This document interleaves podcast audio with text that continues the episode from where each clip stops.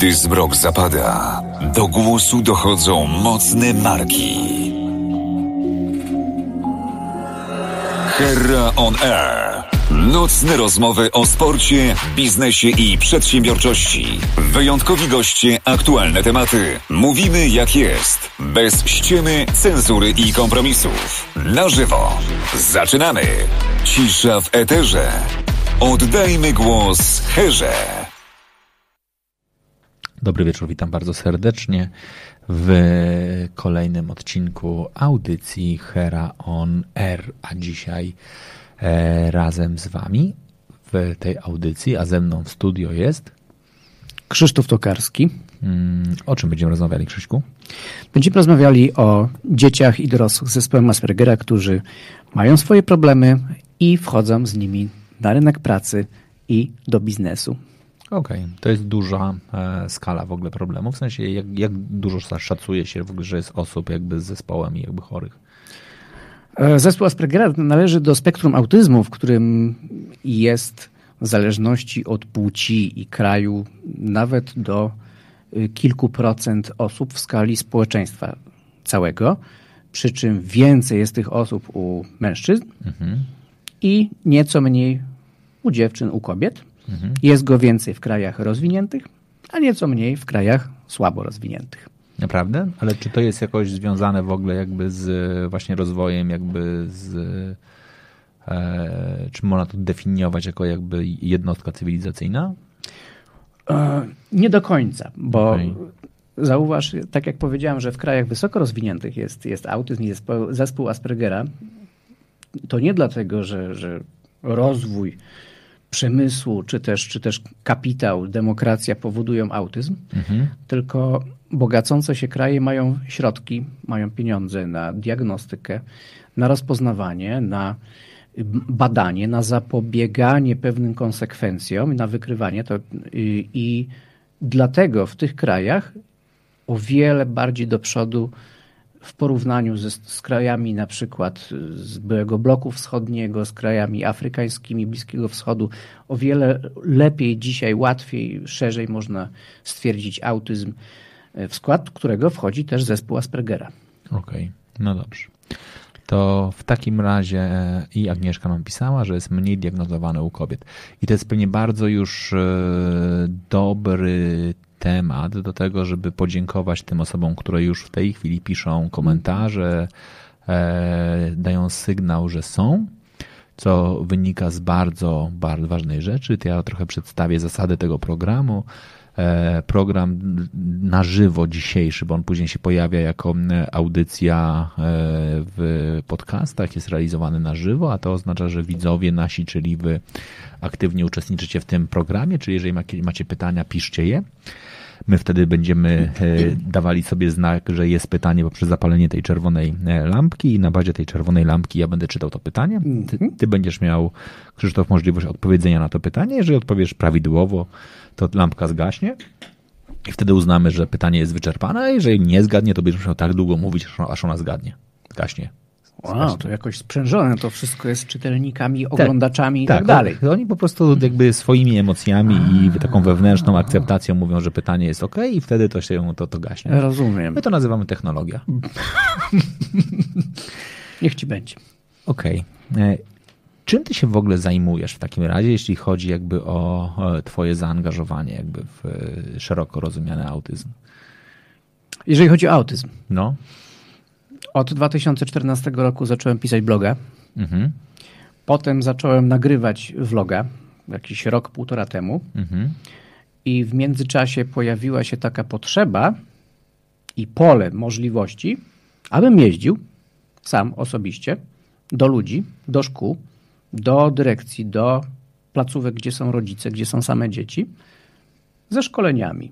Szkoleniami na temat zespołu Aspergera oraz autyzmu wysoko funkcjonującego, ponieważ przy autyzmie wysoko funkcjonującym y, jest możliwe, żeby takie dziecko, uczeń, młodzież chodziła do szkoły powszechnej. Okej, dobra. Czy możemy w ogóle w takim razie zacząć e, definiować poszczególne pojęcia? Bo jak na razie tutaj po- powiedziałeś już o e, kil, jakby zdefiniowałeś kilka pojęć, tak? Jakby mówimy o autyzmie, mówimy o autyzmie Wysoko funkcjonującym. Wysoko funkcjonującym i mówimy o e, zespole Aspergera. Tak, te trzy terminy są ze sobą powiązane. Okay. I to dość mocno. Jak one ze sobą jakby w takim razie funkcjonują, jakby współuczestniczą, że tak, że tak, że tak powiem? Mhm. Jest całe spektrum autyzmu, w skład którego wchodzą różne jakby zależności. Spektrum autyzmu dotyczy nas wszystkich. Mhm. To znaczy, każdy z nas jest spektrum autyzmu słabiej lub mocniej. Ty pewnie słabiej, a ja pewnie mocniej. Mhm. I jeżeli ktoś jest na tyle mocno w spektrum autyzmu, że nazywa się już go wprost, po diagnozie oczywiście profesjonalnej, autystą, Aspergerem, autystą wysoko funkcjonującym i dochodzą do tego różne poważniejsze zaburzenia, to wtedy taki ktoś, jakby to powiedzieć takim prostym językiem, oficjalnie staje się autystą, osobą z autyzmem, jak zwał, tak zwał, osobą ze zdiagnozowanym spektrum autyzmu.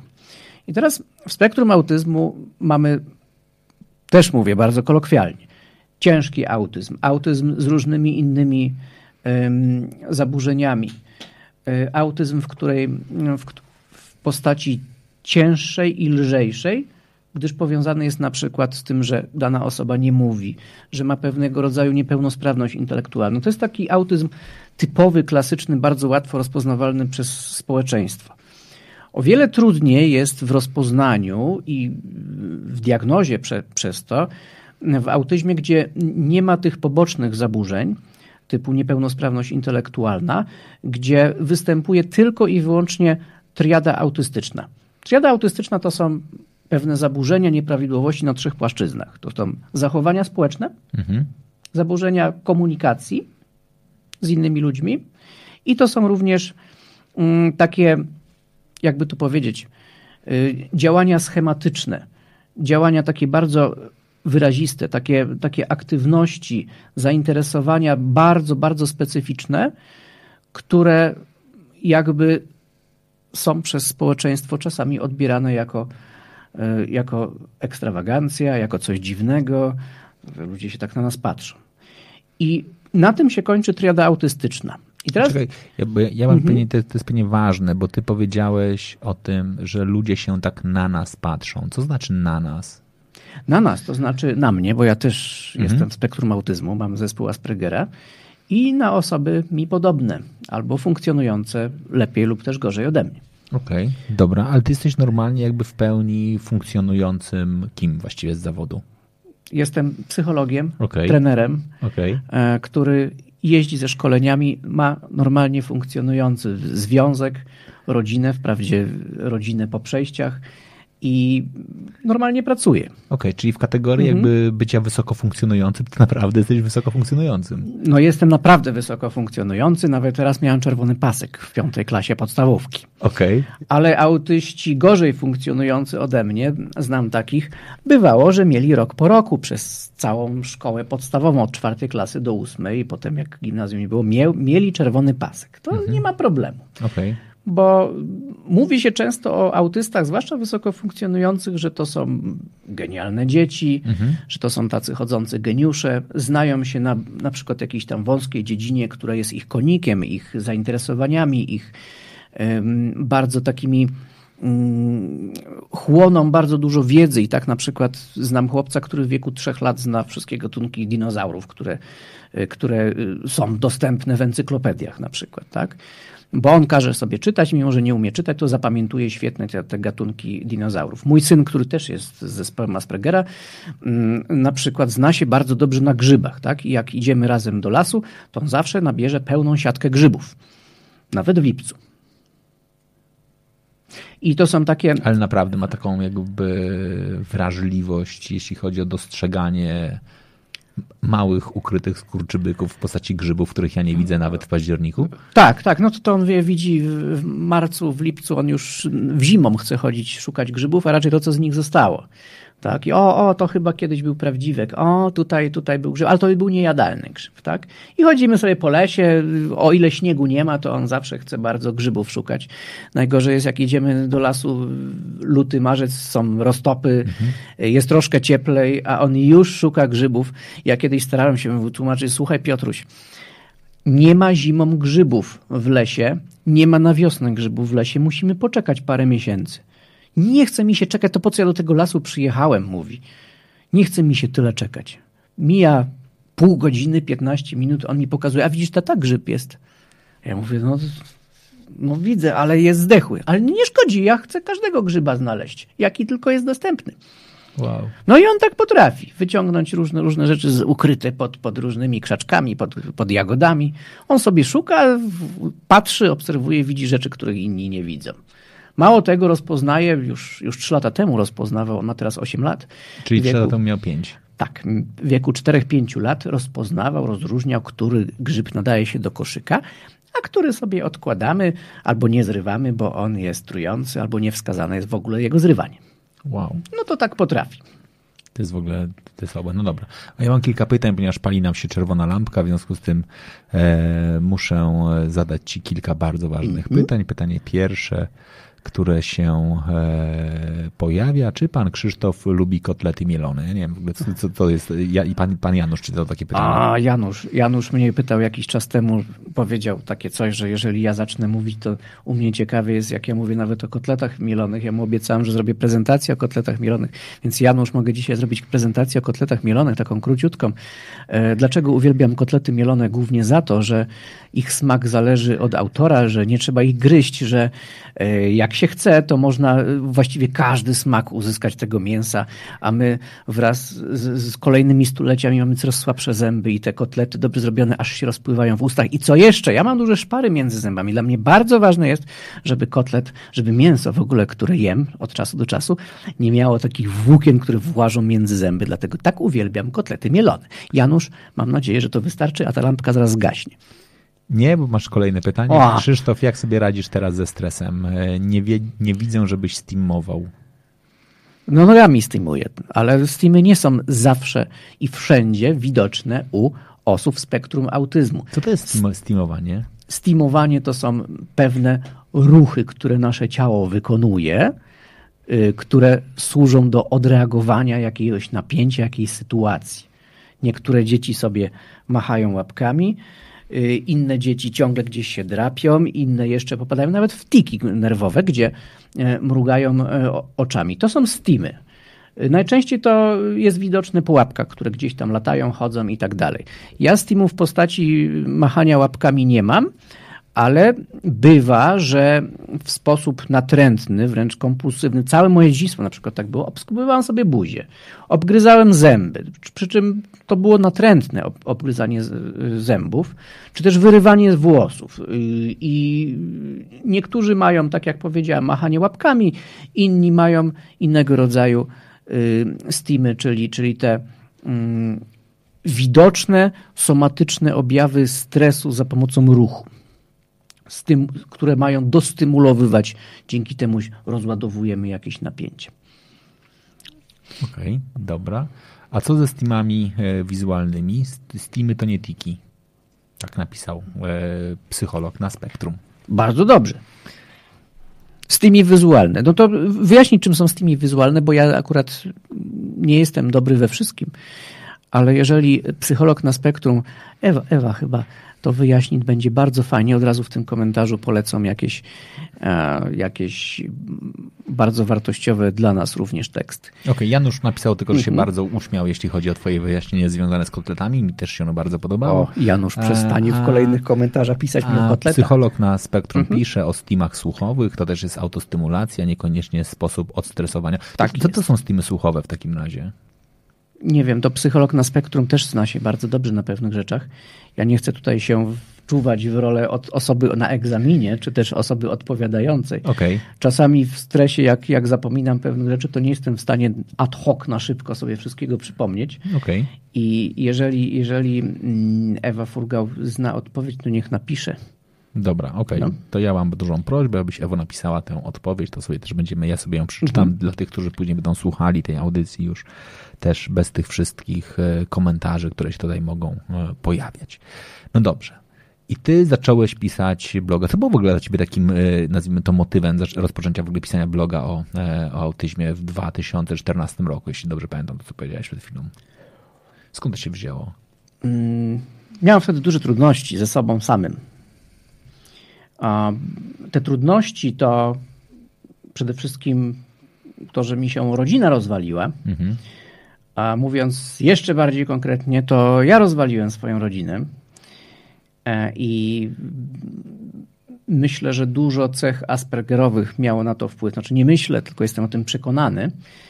A teraz mam do tego dosyć duży dystans, mogę o tym swobodnie mówić. Kiedyś, kiedyś mi to duży problem sprawiało, natomiast dzisiaj mówię o tym zupełnie otwarcie i, i, i bez bicia, tak.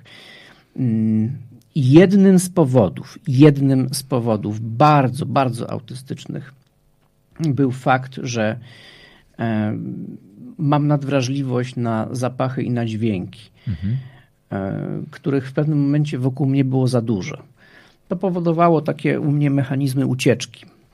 Ucieczki z domu, ucieczki z miejsc, w których do tej pory przebywałem, szukanie innego otoczenia, innego środowiska. I tak niestety się posunąłem za daleko w tym szukaniu mhm. otoczenia nowego, innego środowiska. No i w ten sposób moja rodzina nie przetrwała. Mhm. Tak? Y, moja była żona nie mogła y, mnie już znieść, mhm. moich y, zachowań, postępowań. Ja nie mogłem też znieść pewnych jej postępowań, chociaż moim zdaniem nie były takie negatywne czy drastyczne jak moje, tak patrzę, patrząc na siebie z dystansu.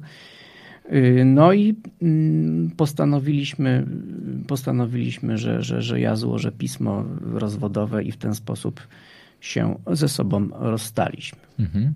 Okej. Okay. I wtedy jakby pisanie bloga to ci dało? Znaczy jakby, jakim było jakby formą jakby reagowania? Pisanie bloga była, było, było, było, było formą odreagowywania. Mhm. Odreagowywania na bardzo wiele stresów, które wtedy przechodziłem z tym, że ta rodzina rozwala mi się, czy też ja rozwalam moją rodzinę, którą przecież bardzo kocham i, i dzieci swoje kocham i, i, mam z nimi świetny kontakt. Nie mogłem y, znieść pewnych rzeczy, które, które zniszczyłem wokół siebie. Nie mogłem znieść pewnych rzeczy, których nie mam, bo, bo nie można przecież mieć dwóch rodzin, nie można mieć dwóch żyć. Trzeba mm, nasze społeczeństwo nie akceptuje świata, który, który istnieje w mojej głowie tylko, mhm. tak? Świata, gdzie konwenanse, normy społeczne y, nie są takie standardowe, jak, jak, jak się zwykło na co dzień uważać, tak? Że rodzina y, to, to, to mąż, żona i dzieci. Y, nie chcę wchodzić za mhm. bardzo w szczegóły, bo mhm. mógłbym kogoś zranić i to, mhm. i to bardzo mocno. Natomiast Mm, ja nie wiedziałam, jak sprawy rodzinne sobie ułożyć. Tak? Dla mnie taki konwencjonalny sposób istnienia rodziny wtedy, na tamten czas, miałem z nim problem, żeby, żeby, żeby to funkcjonowało w, okay. w ten sposób. I, I blog. Zaczynasz pisać bloga i co się dzieje? Zaczynam pisać bloga. Zaczynam pisać. Nie. Zanim zacząłem pisać bloga, bo muszę powiedzieć o takim przyczynku do pisania okay. bloga. W pewnym momencie w żłobku mojego starszego syna, młodszego też, ale o starszym synie, pani psycholog żłobkowa, mhm. przychodzi do mojej e, byłej małżonki, przychodzi i, i ta była małżonka mówi mi, że nasz synek starszy w przyszłości, on miał wtedy dwa lata, dwa, trzy lata, w przyszłości sugerowałaby zbadanie go na zespół Aspergera. Aha, no to ja przyjąłem tą wiadomość sobie do informacji. Na studia kiedyś miałem, co to był zespół Aspergera, to, to trochę tam pamiętałem. I poszedłem do tej pani i mówię do niej, nie pamiętam jej imienia, i mówię do niej, ale chwila, chwila, ale dlaczego tak, tak, tak pani podejrzewa, że on może mieć zespół Aspergera? No i ona zaczęła mi mówić o mnie, o mnie z dzieciństwa, że tarza się po podłodze, ustawia sobie samochodziki w rzędzie, ciągle o tych samochodzikach opowiada, tylko, ma bardzo słaby kontakt z innymi dziećmi, boi się wręcz tych innych dzieci, boi się dorosłych i e, w związku z tym ona, ona by sugerowała, bo być może on ma zespół Aspergera, tak, bo nie interesuje go interakcja z innymi osobami, nie interesuje go to wszystkich. No i ona rozwijała mi ten temat i no, kropka w kropkę to byłem ja. Ale ja rozumiem, że ty wtedy jeszcze nie byłeś zdiagnozowany. Nie. Miałem 33 lata i stwierdziłem, Boże, ona, ta kobieta mi opowiada o mnie. A że mój syn nie mógł wtedy jeszcze być diagnozowany pod kątem zespołu Aspergera, bo to powinno się robić tak w wieku czterech, powyżej czwartego roku życia. Y, wcześniej mm, tak średnio, nie bardzo, y, z kilku, z kilku różnych ważnych powodów. Dziecko jeszcze mm, nie ma rozwiniętej mowy, jeszcze nie jest tak rozwinięte psychicznie, aby mogło y, przejść przez te mm, wszystkie testy i narzędzia diagnostyczne. Ale ja mogłem. Skoro kobieta opowiadała mi o mnie z dzieciństwa, to ja mówię, chwileczkę, chwileczkę, chwileczkę. To ja pójdę wtedy. Może to, to, to, to ja. Może coś sobie wyjaśnię, bo to był czas, kiedy ja się obwiniałem za wiele rzeczy, które wokół mnie się działy. Jak się później okazało po diagnozie, no to te rzeczy były związane y, z moim spektrum autyzmu. Poszedłem, miesiąc trwała diagnoza w Toruniu.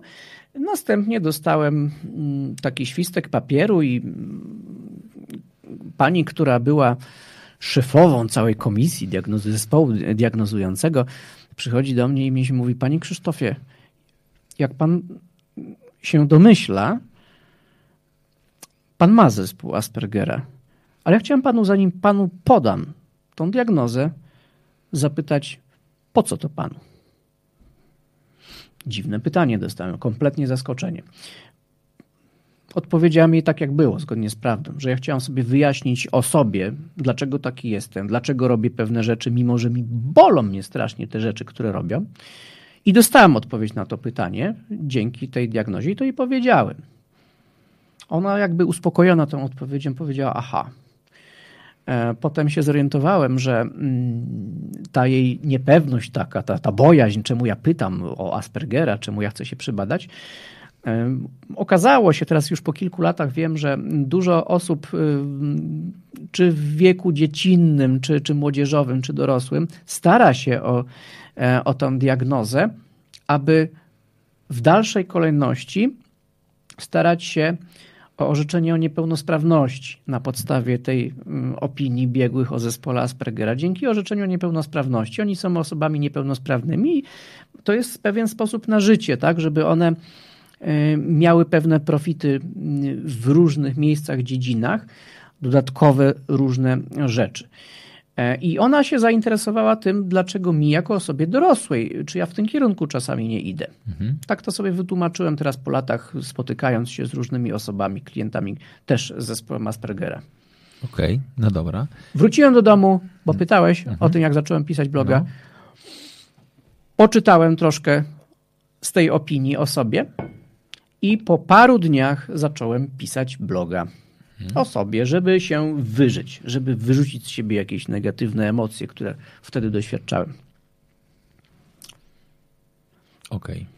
To jest kilka, to jest taki bardzo ładny e, komentarz do tego, zresztą Janusza, twój blog pomaga bardzo wielu osobom. Dziękujemy Krzysztofie, czyli jakby pomogłeś sobie wyrzucając to z siebie, a jednocześnie przy okazji pomagasz innym. Tak. To piękny win-win, takie jakby sytuacja, w której zmieniasz świat zmieniając siebie. To tak było, że ja bardzo chciałem pomagać innym, bo, bo dużo złego narobiłem w swoim mniemaniu, w swoim odczuciu i jakby chciałem to e, odkupić, jak nie na osobach, które skrzywdziłem, to na innych osobach, których mogę, którym mogę wciąż jeszcze pomóc, tak? Więc to, to jest taka moja, yy, moja misja i ten blog w ten sposób ewoluował. Najpierw pisałem o sobie, potem pisałem o sobie w kontekście, w kontekście właśnie pomocy innym ludziom, y, gdzie inni ludzie widzieli w sobie cechy, które się łączą z moimi cechami, a potem zacząłem pisać o innych, na przykład o dzieciach, y, bo sam byłem dzieckiem zespołem Aspergera, o pewnych aspektach ich życia w szkole, wśród rówieśników i jak takim dzieciom, potem młodzieży, potem dorosłym, już od niedawna dorosłym można pomóc. I tak ewoluował mój blog. Okej, okay, ja, się na, ja się na chwilę jeszcze zatrzymam jakby na twoim e, dzieciństwie. Jak dzisiaj już wiesz o tym, e, że no, mogłeś być zdiagnozowany. Czy ty uważasz, że jakby to, że przeszedłeś przez dzieciństwo bez diagnozy było dla ciebie łatwiejsze czy trudniejsze?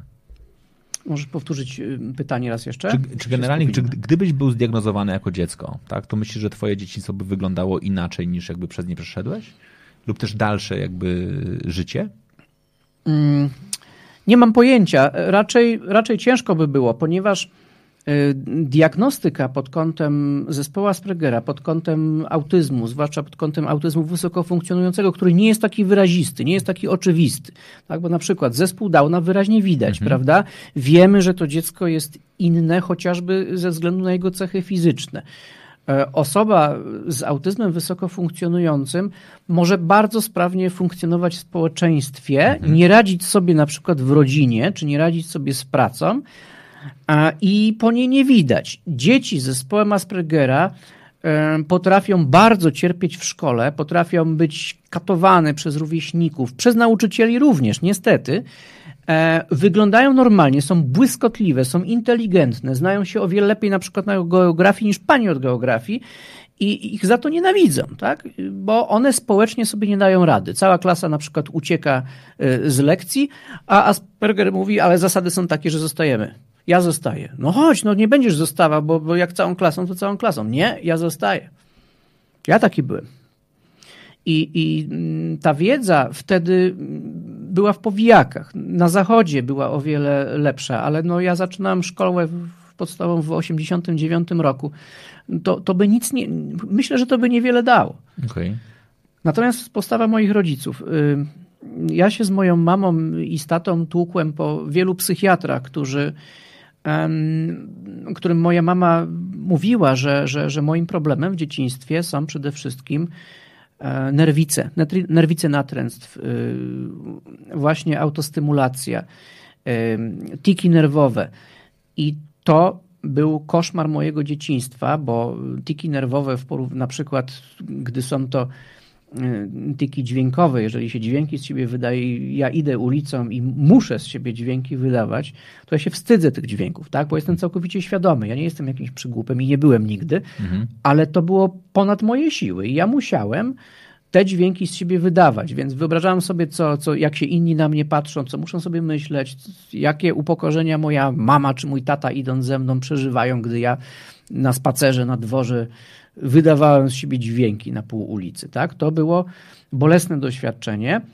Jak najbardziej do psychiatry. Chodziliśmy po psychiatrach. Psychiatrzy zapisywali mi najpierw bardzo delikatne leki, na przykład leki ziołowe. Mhm. Mm, ja te leki łykałem, nic one nie dawały kompletnie. No to po kolejnej wizycie u psychiatry, psychiatra zapisywał już takie potężniejsze leki. Moja mama nazywała je lekami psychotropowymi e, i wtedy rezygnowaliśmy z psychiatry. Mama mówiła, że nie, że, że, że nie będziemy e, dziecka leczyć lekami psychotropowymi. Tak naprawdę leki psychotropowe pewnie by mm, stopowały te, te, te objawy nerwicy natręstw.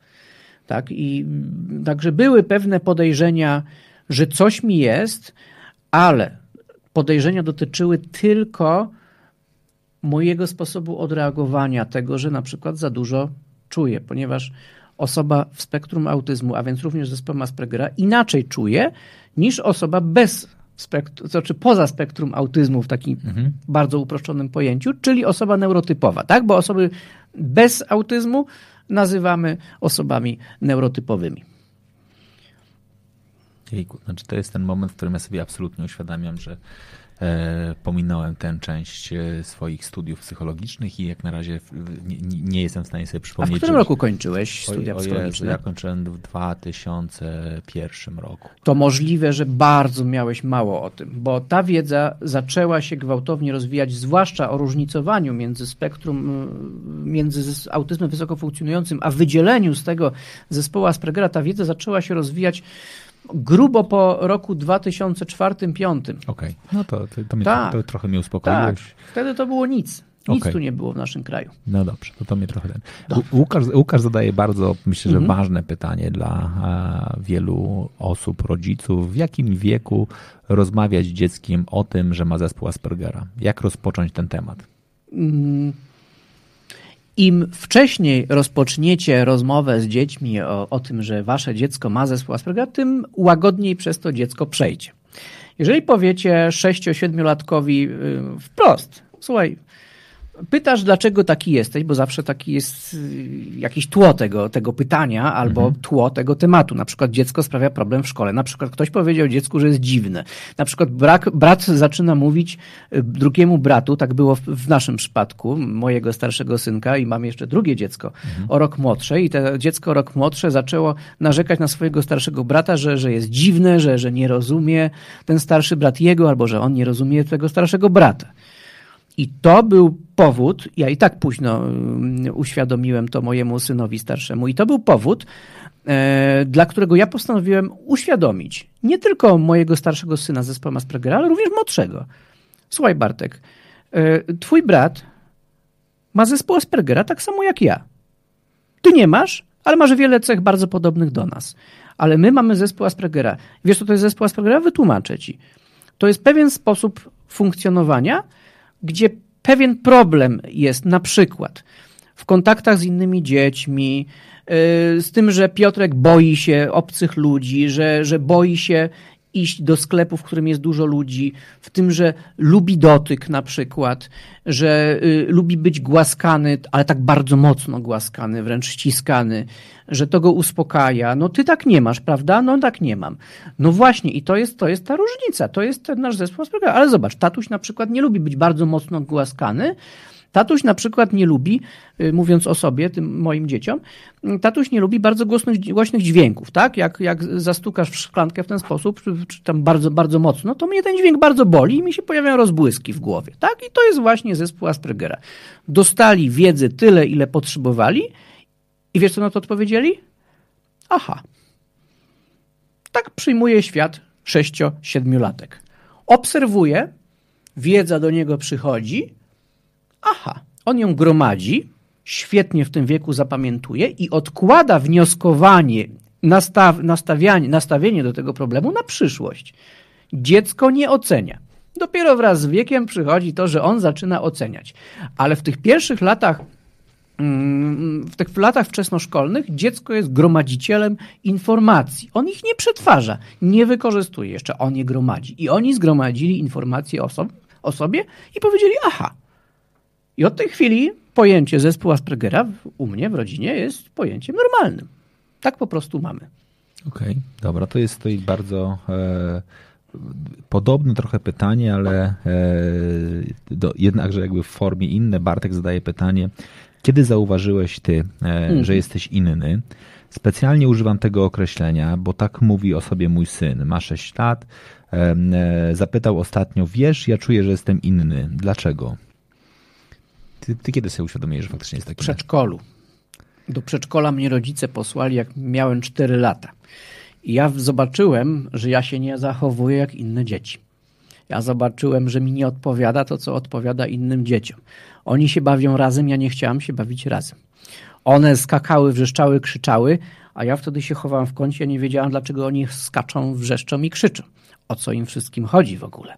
Oni Pewnego dnia koleżanka moja najlepsza powiedziała, nie lubię cię, a ja nie wiedziałam za co. Myślałem, że to koniec przedszkola właściwie, tak? Bo ja mając 5, 4, 5 lat usłyszałem od koleżanki z przedszkola, nie lubię cię. I od tej pory ja miałem zadrę, miałem kosę. Ja się jej bałem, bo przecież ona mnie nie lubi.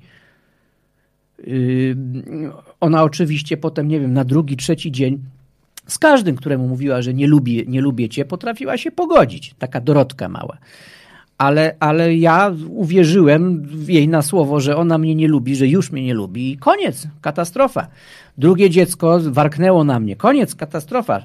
Trzecie dziecko coś tam brzydkiego do mnie powiedziała, koniec, katastrofa. I nagle stwierdziłem po paru tygodniach, że mnie nikt nie lubi.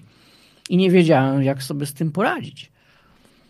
I wtedy w przedszkolu bardzo nie lubiłem chodzić do przedszkola i, i, i, miałem, miałem ogromny problem z chodzeniem do przedszkola. To był dla mnie dramat, tak? Y, gdy poszedłem do pierwszej klasy, już był inny świat i to było dla mnie jak taki kontrast między, między pobytem w takim brudnym bagnie zaśmieconym, a, a wejściem na salony, tak? No to ja idąc do pierwszej klasy wszedłem na salony, dostałem ciepłą kołderkę, świeże powietrze, piękne ubranie i tak się czułem w pierwszej klasie, kiedy, kiedy zmieniłem środowisko, kiedy przestałem widzieć się z ludźmi, których totalnie, totalnie nie rozumiałem i również z wychowawcami, którzy nie wiadomo o co im chodziło. Nigdy, nigdy tego nie rozumiałam na etapie przedszkola. W szkole podstawowej dzieci były prostsze w obsłudze dla mnie. Były żelazne zasady. Przychodzimy na godzinę 8.00 albo potem 8.45 do szkoły i mamy od tej godziny lekcję. Taką, taką, taką. Plan był ułożony na cały tydzień. I wiedziałem, co na tych lekcjach robić. Trzeba było pisać i wypełniać wszystkie polecenia pani. Idealne warunki dla osoby z zespołem Aspergera. Właśnie chciałem spytać, czy jakby takie sztyw, sztywne ramy są pomagające? Tak, ponieważ my żyjemy w pewnych sztywnych ramach i y, bardzo często, w większości przypadków osób z zespołem Aspergera, problem nam stwarza wyjście z tych sztywnych ram. Wyjście ze sztywnych ram to znaczy improwizowanie, to znaczy spontaniczna zmiana planu dnia, to znaczy spontaniczna zmiana środowiska. Przepraszam bardzo. Spontaniczna zmiana środowiska. To jest problem większy i częstszy niż u ludzi neurotypowych. Mhm. To jest duży problem. My lubimy mieć tak samo, to nas uspokaja wewnętrznie i to powoduje, że nasz poziom stresu idzie w dół sobie. Okej, okay, czyli jedną z takich wskazówek, w jaki sposób dobrze funkcjonować z wami, jest dokładnie jakby po pierwsze ustalanie zasad, a po drugie się ich trzymanie.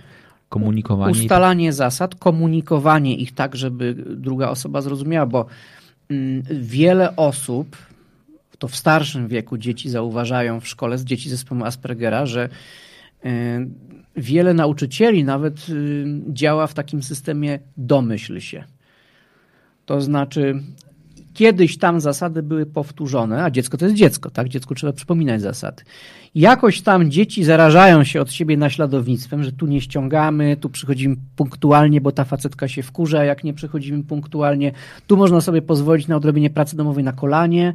E, tutaj trzeba zgłosić nieprzygotowanie, a tu można ryzykować, że, że, że nie jest się przygotowany. To jest takie spontaniczne działanie, mm, wymagające kreatywności. Tak nie mówcie tego swoim dzieciom, ale, ale uczeń leser musi wykazać się niesamowitą kreatywnością. Jeżeli Asperger wykazuje się taką kreatywnością, że wraz z innymi zwiewa, ucieka z lekcji, że wraz z innymi coś kombinuje, na przykład gdzie by tu petardę wsadzić przed Sylwestrem, tak, bo fajnie wybucha, e, to wbrew pozorom to jest budowanie przez młodego człowieka z zespołem Aspergera akceptacji otoczenia, budowanie więzi z kolegami, z koleżankami. To jest najlepsze, co się może zdarzyć Aspergerowi w szkole. Warcholić z innymi chłopakami czy dziewczynami. Okej, okay. no dobra. Ja bym chciał trochę wrócić do tego, jakby jakie dzisiaj ty masz e, tą swoją misję, w którą ty realizujesz, bo ty mi powiedziałeś, że ty jeździsz po szkołach i robisz e, pre, prelekcje, wykłady, opowiadasz. Opowiadasz o czym? Znaczy, mm, to są konkretne tematy. To nie mhm. jest od, od, opowiadanie o czymś, czy, czy opowiadanie o sobie. To są konkretne tematy zamawiane przez klientów, którzy, którymi są y, szkoły, y, przedszkola, y, szkoły średnie, li, czyli, czyli licea czy technika. I to są tematy, na przykład uczeń zespołu Aspergera w klasie. Ja wtedy dzwonię tam dzień przed wyjazdem do dyrekcji i się pytam, skąd zapotrzebowanie na temat, jaki jest cel tego szkolenia. Czasem cel szkolenia jest taki, żeby wydać kasy, która gdzieś tam zalega przed końcem roku, mhm. a czasem powód jest głębszy. Na przykład mamy y, trzech uczniów, czterech uczniów, dziesięciu uczniów z zespołem Aspergera i wprawdzie oni nam nie sprawiają kłopotów, ale chyba sprawiają kłopot, kłopoty swoim rówieśnikom i rodzicom, którzy nie bardzo ich akceptują. Nie wiemy za bardzo, jak sobie poradzić, czy dobrze robimy, mm, czy nauczyciele mm, dobre środki dydaktyczne powzięli wobec tych osób. No więc wtedy, żeby uporządkować tą wiedzę, żeby usystematyzować, to jedziemy. Czasami ci ludzie chcą po prostu podstaw y, jakby obsługi uczniów z Aspergera, bo spodziewają się w następnym semestrze właśnie y, dziecka z zespołem Aspergera czy, czy, czy, czy, czy z autyzmem wysoko funkcjonującym. Ja tylko dodam, że e, już za rok, dwa będziemy oficjalnie mówili tylko o spektrum autyzmu i jakby samo pojęcie zespół Aspergera odchodzi na plan dalszy. Dlaczego? Ponieważ samo pojęcie spektrum autyzmu jest bardziej klarowne. Spektrum autyzmu będzie, będzie podzielone na kilka części, w zależności od tego, jak mocno autyzm, jak mocno autyzm, teraz ważę się, liczę się ze słowami, bo jedno fałszywe słowo i ktoś to powie, że na przykład na autyzm się nie cierpi, tak? Autystycy nie, nienawidzą, jak ktoś mówi, że cierpi na autyzm, czy choruje na autyzm, tak? Dlatego tutaj w tym momencie muszę dobrze dobrać słowa, żeby raz, żeby być profesjonalnym, żeby nikogo nie urazić, i, i żeby odejść od tej mm, nieprawdziwej narracji, że autyzm jest chorobą, bo nie jest, choroby się leczy. Tak? Żeby odejść od tej nieprawdziwej narracji, że e, na autyzm się cierpi, bo się nie cierpi na autyzm. Tak samo jak ktoś jest y, rudy czy piegowaty, no to mm, na same piegi czy na samą rudość się nie cierpi. Prawda? Mhm. To jest dobre porównanie. I to nie jest choroba. Ale y, pewne aspekty związane z byciem rudym, czy z byciem piegowatym, czy z byciem grubym, czy nawet chudym, y, wiążą się z negatywnymi interakcjami społecznymi. Okej, okay, czyli krótko mówiąc, y, autyzm powoduje, że się zachowujemy w określony sposób i ten, te, te, te zachowania są dla nas naturalne, ale bardzo często środowisko nie umie sobie z nimi poradzić i zachowuje się wobec nas tak, że, że to wywołuje faktycznie trudności. Mhm, dokładnie tak. Czyli tak samo jak można przezywać kogoś, że jest, że jest rudy i to, to, to, to bardzo ładnie powiedziałeś, że to jest dokładnie jakby bardzo dobre mhm. porównanie. Tak, sama rudość nie jest chorobą, prawda? Mhm. Okej, okay, no dobra. Więc ty pojawiasz się w szkole i mówisz, dobra, będę pracował z nauczycielami. No właśnie, czy ty pracujesz bardziej z nauczycielami, czy ty pracujesz e, z nauczycielami i z rodzicami pozostałych dzieci, czy z nauczycielami, rodzicami i dziećmi? E, e, różnie się zdarza. Niektóre szkoły chcą, żebym miał na przykład oprócz szkolenia dla y, nauczycieli, żeby wykorzystać dzień ze mną, żebym miał również prelekcje dla rodziców, mhm. na przykład o komunikacji, na przykład o wzajemnym traktowaniu się albo o traktowaniu y, ich dzieci swojego kolegi z zespołem Aspergera, tak? Jak, jak to się obsługuje, czym to jest, czym to grozi, czym nie grozi. E, najczęściej jednak, i to jest 90% tej mojej pracy szkoleniowej, wyjazdowej, to jest praca z nauczycielami, z gronem pedagogicznym, czyli nauczyciele, psycholodzy, pedagodzy szkolni oraz dyrekcja. E, zawsze się pytam w takich momentach, kto z Państwa jest wychowawcą e, klasy, w której jest zespół Aspergera, kto z Państwa jest psychologiem, pedagogiem. No i dyrekcję to już znam, tak? bo, mhm. bo to, są, to są osoby, które zamawiają u mnie te szkolenie. I wtedy mm, w zależności od tego, czy ktoś jest przedmiotowcem, czy wychowawcą, czy, czy psychologiem, czy pedagogiem, to wiem, do kogo jakie zdanie skoncentrować. Tak, pani y, sugerowałbym, żeby pani się skupiła na tym, y, panu doradzam to i to, i w tym momencie y, najbardziej wstrząśnięci pozytywnie są WF-iści, którym mówię, że, szanowni państwo, dla osób z zespołem Aspergera, wbrew pozorom, takim bardzo krytycznym przedmiotem, ważnym, krytycznym, jest WF. A oni tak zdębieli, tak. Ludzie, którzy są przyzwyczajeni do tego, że WF jest gdzieś tam po macoszemu traktowany, ja im mówię, że WF jest jednym z najważniejszych przedmiotów dla osób z zespołem Aspergera. A dlaczego? No, na czym polega wartość WF-u? Często zespołowi Aspergera mm, towarzyszy pewna y, niezgrabność, niezdarność, ona jest powiązana, może być powiązana z zaburzeniami czucia y, głębokiego. Tak? Mhm. Czucie głębokie, czyli jak zamkniemy oczy i każe ci położyć rękę 5 cm nad głową, to ty to zrobisz. Dzięki czuciu, czuciu głębokiemu. Tak? Mhm. Ty nie wiesz, bo nie czujesz, czy dotykasz włosów, czy dotykasz hery, przepraszam za mhm. skojarzenie, masz ręce 5 cm nad górze, ale robisz to dzięki czuciu głębokiemu. No i często się zdarza, że dzieci z zespołem Aspergera, w ogóle dzieci w spektrum, mają zaburzenia czucia głębokiego i są przez to, nie tylko przez to, ale przez to również niezdarne. I ta niezdarność niestety się nasila, bo skoro ja jestem niezdarny, to zobacz, ile konsekwencji psychologicznych to przynosi. To ja się nie ruszam, to ja y, czasem uciekam w jedzenie, czasem uciekam po prostu w bezruch, bo się ruszać nie lubię. Mm, czasem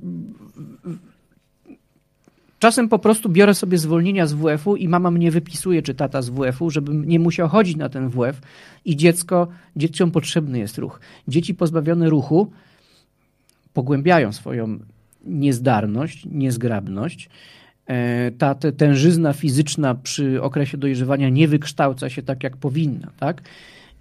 To jest, to jest częsty problem. I to jest pierwszy aspekt, ten fizyczny, ale jest jeszcze drugi aspekt. Jest aspekt społeczny. Mhm. WF to sporty zespołowe, WF to współdziałanie. A jeżeli chodzi o współdziałanie, to jest to cecha, jedna z trzech cech triady autystycznej zaburzenia w kontaktach społecznych. Okay. To jest krytyczne. Krytyczne dla naszego rozwoju, dojrzewania, dorosłości i pracy. Jeżeli mamy zaburzone e, funkcjonowanie społeczne e, w naturze, jakby, dlaczego? Bo na przykład nie posługujemy się intuicją, bo nie czujemy jakby intencji drugiej osoby, bo nie rozumiemy min drugiej osoby. Czasami jest bardzo dużo osób w spektrum autyzmu, które ma prozopagnozję, czyli zaburzenie rozpoznawania twarzy. Tak? To ciebie by rozpoznali po charakterystycznych okularach czy też długich włosach. Ale, ale mm, tak to ja na przykład muszę się tam komuś przedstawiać, tak jak wspólnie na konferencję idziemy, bo ktoś nie kojarzy mnie. Tak? Zdejmę okulary, w których cały czas występuję na różnych live'ach i, i na YouTubie i, i, już na konferencji dana osoba mnie nie skojarzy, tak? No i to są pewne rzeczy nie do przeskoczenia. I tu się pojawia znowu dramatyczne konsekwencje psychologiczne. Skoro ja nie potrafię rozpoznawać twarzy, to sobie wyobraź, że idę do szkoły, dzieciaki mi mówią cześć, a ja nie wiem, kto to jest nauczycielom nie wiem, kto to jest. Czy to jest znany, znany, znajomy nauczyciel, mój nauczyciel, czy też nie mój. I nie wiem, komu mówić dzień dobry, komu mówić cześć, albo nie mówię wcale, potem to się pogłębia na ulicy. Zaczynam się bać ludzi. Jak się zaczynam bać ludzi, to staję się odludkiem, to staję się kiepskim pracownikiem, to nie umiem pracować w zespole. Dlatego WF jest taki ważny, bo on ułatwia, e, ułatwia tym dzieciom funkcjonowanie w społeczności innych dzieciaków, a to jest podstawa. Jeżeli się to zaniedba, to taka osoba definitywnie ma o wiele gorsze szanse na start kariery w przyszłości, nawet jeżeli w czymś jest znakomitym ekspertem. Okej, okay, ja, ja, za chwilę wrócę do sportu. Mhm. Natomiast jest e, pytanie, Weronika zadaje pytanie, jeśli dziecko z autyzmem jest w normie intelektualnej, to że lepiej, żeby poszło do szkoły masowej czy specjalnej? E, co może zrobić rodzic dziecka z autyzmem, zespołem Aspergera, żeby dzieci, żeby dzieci w szkole zrozumiały, że zaburzenia kolegi, żeby zrozumiały zaburzenia kolegi? Jak reagować, jeśli będzie wyśmiewany przez rówieśników? E, tu spotykamy się z niedoskonałościami naszego systemu edukacji. O, to... Więc ja jestem zdania, że jeżeli dziecko jest w stanie poradzić sobie z przedmiotami, nie ma tych zaburzeń intelektualnych, to to jeszcze zależy, to jest sprawa indywidualna, ale dążyłbym do tego i starałbym się o to, żeby dziecko poszło do szkoły masowej, e, żeby najlepiej, i teraz mówię o pewnych, mhm. pewnym celu takim idealnym, żeby miało klasę, w której jest stosunkowo niewiele dzieci. Y, Im większa ta ilość dzieci, e, tym większe kłopoty takiego dziecka, tak? Więcej osób do zapamiętania, do zbudowanie relacji z jedną osobą często dla zespołu Aspergera jest wielkim problemem, co dopiero na przykład z 30, 30 osobami. Mhm. Ale jak w klasie na przykład tutaj y, profity zbierają szkoły wiejskie, jak w klasie jest tam 13, 14, 15 osób, no to są idealne warunki. E, w szkole masowej, w szkole powszechnej, zwłaszcza w dużym mieście, duża szkoła, to tłum, harmider, hałas na korytarzach. To wielkie korytarze, w którym jest straszliwe echo. Często dzieci z, zespołem Aspergera mają nadwrażliwość słuchową. I teraz sobie wyobraź, że, że o godzinie 9.40 cała szkoła wybiega w hałasie klasy od 1 do 3 na przerwę z potwornym wrzaskiem, a, a dźwięk dzwonka też jest potworny. Tak? I takie dziecko za, zaczyna zatykać uszy, a nawet jak się powstrzyma przed zatykaniem uszu, to może stać się na przykład agresywny, albo zamknąć się w sobie, albo gdzieś się schować, a potem chodzą tacy koledzy nauczycieli, co mu jest ano dzwonek za głośny, a to za dużo się dzieje na przerwach, wszyscy biegają. Mm, cechą charakterystyczną osób z zespołem Aspergera jest to, że inaczej czują. Mhm. Czują inaczej niż osoby neurotypowe. I tu mówiąc bezpośrednio. Ale czują bardziej, czy czują mniej? I to, i to może się zdarzyć. Jest pięć zmysłów mhm. i na każdy z tych zmysłów można mieć nadwrażliwość lub niedowrażliwość.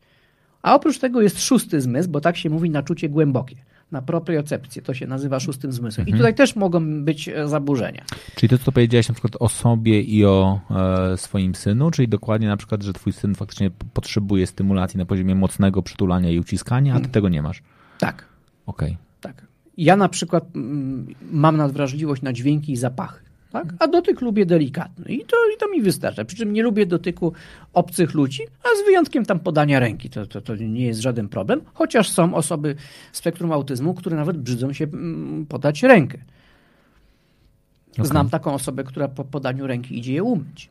Okej, okay, dobra. Agnieszka zadaje pytanie, co z wybiórczością pokarmową? Czy masz wybiórczość? A bardzo wiele osób z zespołem Aspergera ma tą wybiórczość pokarmową. E, ja byłem typem niejadka w dzieciństwie. Tak patrząc na, na swoją e, przeszłość, to w ogóle były pokarmy, których nienawidziłem, były pokarmy, które lubiłem i tylko je, bym jadł. Mhm. Z wiekiem jest lepiej, tak? Osoba dorosła z spektrum autyzmu jest w stanie zjeść y, więcej i lepiej. To się wiąże z tym, że e, wraz z wiekiem te same bodźce mogą być przez nas słabiej odczuwalne. Tak? Wtedy więcej pokarmów łatwiej wchodzi. Na przykład częściej jest, że dzieci, wszystkie dzieci, nie tylko z autyzmem, nie lubią ryb, a osoby dorosłe zaczynają lubić ryby. Dzieci nie lubią rzeczy kwaśnych, ostrych, a dorosłe osoby marzą o pizzy pełnej jakiegoś tam sosu chili, tak, żeby hmm. nawet jak z nich się leje pot i gryzioną ogniem, to im jest dobrze wtedy. To się zmienia. Dzieci nie lubią tego. I tutaj w przypadku Aspergera, yy, mimo tej wybiórczości pokarmowej w bardzo wielu przypadkach, ale nie we wszystkich przypadkach istnieje ta wybiórczość pokarmowa, to yy, polepsza to się z czasem. Mój starszy syn na przykład nie ma wybiórczości pokarmowych, a wręcz przeciwnie, mając pewną większą otwartość na smaki, lubi sobie dopieprzyć, lubi sobie nalać czegoś ostrego, tak, tak, byle nie za ostrego i spróbować nowych potraw. Wczoraj na przykład poznał, co to są ślimaki, tak, zjadł jednego ślimaka, po czym powiedział, że nie, on już więcej nie chce, ale na przykład lubi słodki sos chili, który i tak jest pikantny, tak, i tym sobie czasem polewa. Jest w stanie też zjeść kanapkę z płatkami czosnku normalnie, tak, jak kiedyś był przeziębiony, to ja go postanowiłem leczyć metodą naturalną, czyli kanapka z czosnkiem. I on to zjadł. Cały śmierdział przez całą noc czosnkiem, ale on to zjadł. Okay. Czego by nie zrobił nie jeden, nie dorosły. To prawda. No dobra. E, ja bym chciał wrócić do tego sportu. Ale czy to jest tak, że oprócz E, WF-u w szkole, który akurat moim zdaniem bardzo często jest, ja, ja, cieszę się, że mówi, że jest ważnym przedmiotem, bo ja w ogóle mam taką pewnie swoją, swoje zaangażowanie w sport się też objawia, żeby w ogóle mhm. mówić, że, że WF jest bardzo ważny. Ale czy to jest tak, że e, dzieci powinny być e, też zapisywane na dodatkowe zajęcia sportowe, że ten, czy, że ten sport faktycznie jakby pomaga uspołeczniać i jakby skutecznie funkcjonować, czy generalnie nie powinniśmy aż iść w tym kierunku? O, i tu jest jedna bardzo ważna kwestia, która jest jednocześnie zaniedbaniem w naszym kraju. Mhm. Czy można dziecko posłać, oznacza, że rodzic decyduje o tym, co jest dobre dla dziecka, prawda? Mhm. Natomiast tutaj mówimy o kolejnym kluczowym, krytycznym, e, krytycznej umiejętności w życiu e, osoby z zespołem Aspergera. Takie osoby często są stopniowo ubezwłasnowalniane. Na czym polega ten mechanizm? Drogie dziecko, skoro masz kłopot w relacjach, to ja cię przenoszę do innej szkoły. E, słuchaj, naucz się tego, żebyś nie miał problemów z matematyką. E, masz wybiórczość pokarmową, ja zaraz powiem tam, żeby nie drobili ci e, na stołówce tego i tego, a właściwie to będę ci dawała jedzenie w oddzielnych saszetkach. I w ten sposób osoba w spektrum autyzmu dostaje coraz bardziej zwiotczałych rąk, tak przysłowiowo mówiąc. Mhm jest coraz bardziej ubezwłasnowolniona, jest coraz bardziej zależna od rodziców, bo rodzice przecież najlepiej znają swoje dziecko i wiedzą dokładnie, co dla dziecka jest najlepsze. I niestety to jest pewien błąd, pewna iluzja, bo jeżeli to rodzic stworzy najlepsze warunki dla dziecka, dla osoby z autyzmem, to jak ta osoba ma potem w przyszłości sobie stworzyć te warunki? Nie będzie potrafiła tak? Nie rozepchnie się łokciami, bo nie będzie potrafiła, nie będzie wiedziała jak. Wszyscy dookoła rozpychali łokciami, tak? Tę tą gęstą galaretę i pozwalali dziecku przejść. Rodzice kiedyś odejdą, dziecko pójdzie na swoje i nawet rodziny nie założy, bo mama nie pomoże w założeniu rodziny, prawda? I teraz pytasz o mm, sporty, czy warto posłać dziecko na jakieś dodatkowe lekcje. Czy warto z nim w takim razie, będę pewnie precyzyjnie, czy warto je zapytać o to, czy chce i o. jeżeli wyrazi chęć, to czy, czy, czy to jest jakby preferowane, jasne, czy nie? Jasne. Warto pytać dziecko o jego potrzeby i realizować te potrzeby. My żyjemy pokolenie twoje pewnie lat 70., mhm. moje pokolenie lat 80. i potem 90., że mm, my zaspokajamy, ktoś za nas zaspokajał potrzeby. O, dziecko, nie możesz mieć wszystkiego, bo jesteśmy za biedni. Nie możesz mieć wszystkiego, ponieważ e, byś się za bardzo rozpuścił. Potem przyszły lata 90. Moje dziecko musi mieć wszystko. Moje dziecko nie będzie żyło tak jak ja. Masz dziecko wszystko. Ale ono dalej nie może zakomunikować, czego potrzebuje i dalej nie potrafi się wystarać o to, żeby zaspokoić swoje potrzeby, bo ono coś powie, już jest. Mhm. Albo powie, że chce kłada. Nie, dziecko, kłada nie dostaniesz. To jest moda e, wśród nowobogackich i ty musisz inaczej. Ale y, jeżeli chodzi o nowoczesne podejście do spektrum autyzmu, to jest to praca nad po pierwsze wyrażaniem własnych emocji, a po drugie praca nad wyrażaniem własnych potrzeb. To jest bardzo trudny krok dla osób y, z autyzmem. Nauczyć się wyrażać własne potrzeby i kolejny krok tak działać, aby te potrzeby zaspokajać. I to nawet jeżeli chodzi o najbardziej podstawowe potrzeby. Osoby z autyzmem zapominają o tym, że trzeba jeść. Okay. Tak bywa. Tak? Zapominają o pójściu spać. Zapominają w związku z tym, że godzina trzecia to nie jest dobry moment na na przykład swoje hobby, na programowanie, na, yy, na składanie makiety kolejki że trzeba już się położyć spać. To znaczy, oni ignorują sygnały swojego organizmu o tym, że coś należy z sobą zrobić. Zatracają zdolność jakby odczytywania części sygnałów otoczenia, swojego ciała, swoich prawdziwych potrzeb, ukrywają te potrzeby, wypierają.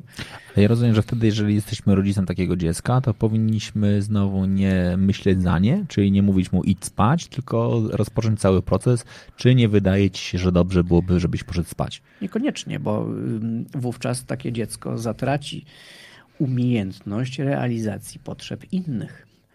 A to też jest ważne, bo jeżeli będziemy się skupiać tylko na potrzebach dziecka, słuchaj, co chcesz na urodziny? Chcę kłada, dobra, masz kłada. E, co byś e, chciał na kolację? Frytki. No jak zawsze frytki, dobrze, nie będzie frytki. A jutro? Frytki.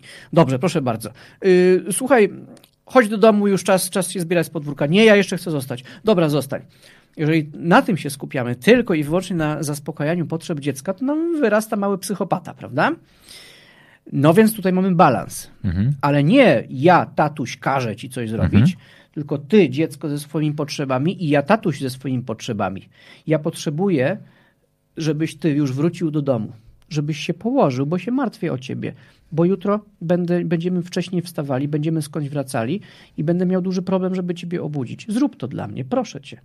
Ale na tej zasadzie, na zasadzie realizacji moich potrzeb. Skup się na swoich potrzebach, ale skupiaj się też na potrzebach innych ludzi no to wtedy mm, to jest edukacyjne. Natomiast jeżeli to są rozkazy, no to dziecko y, uczy się, że, że w rodzinie jest jak w wojsku, że ktoś rozkazuje, reszta słucha.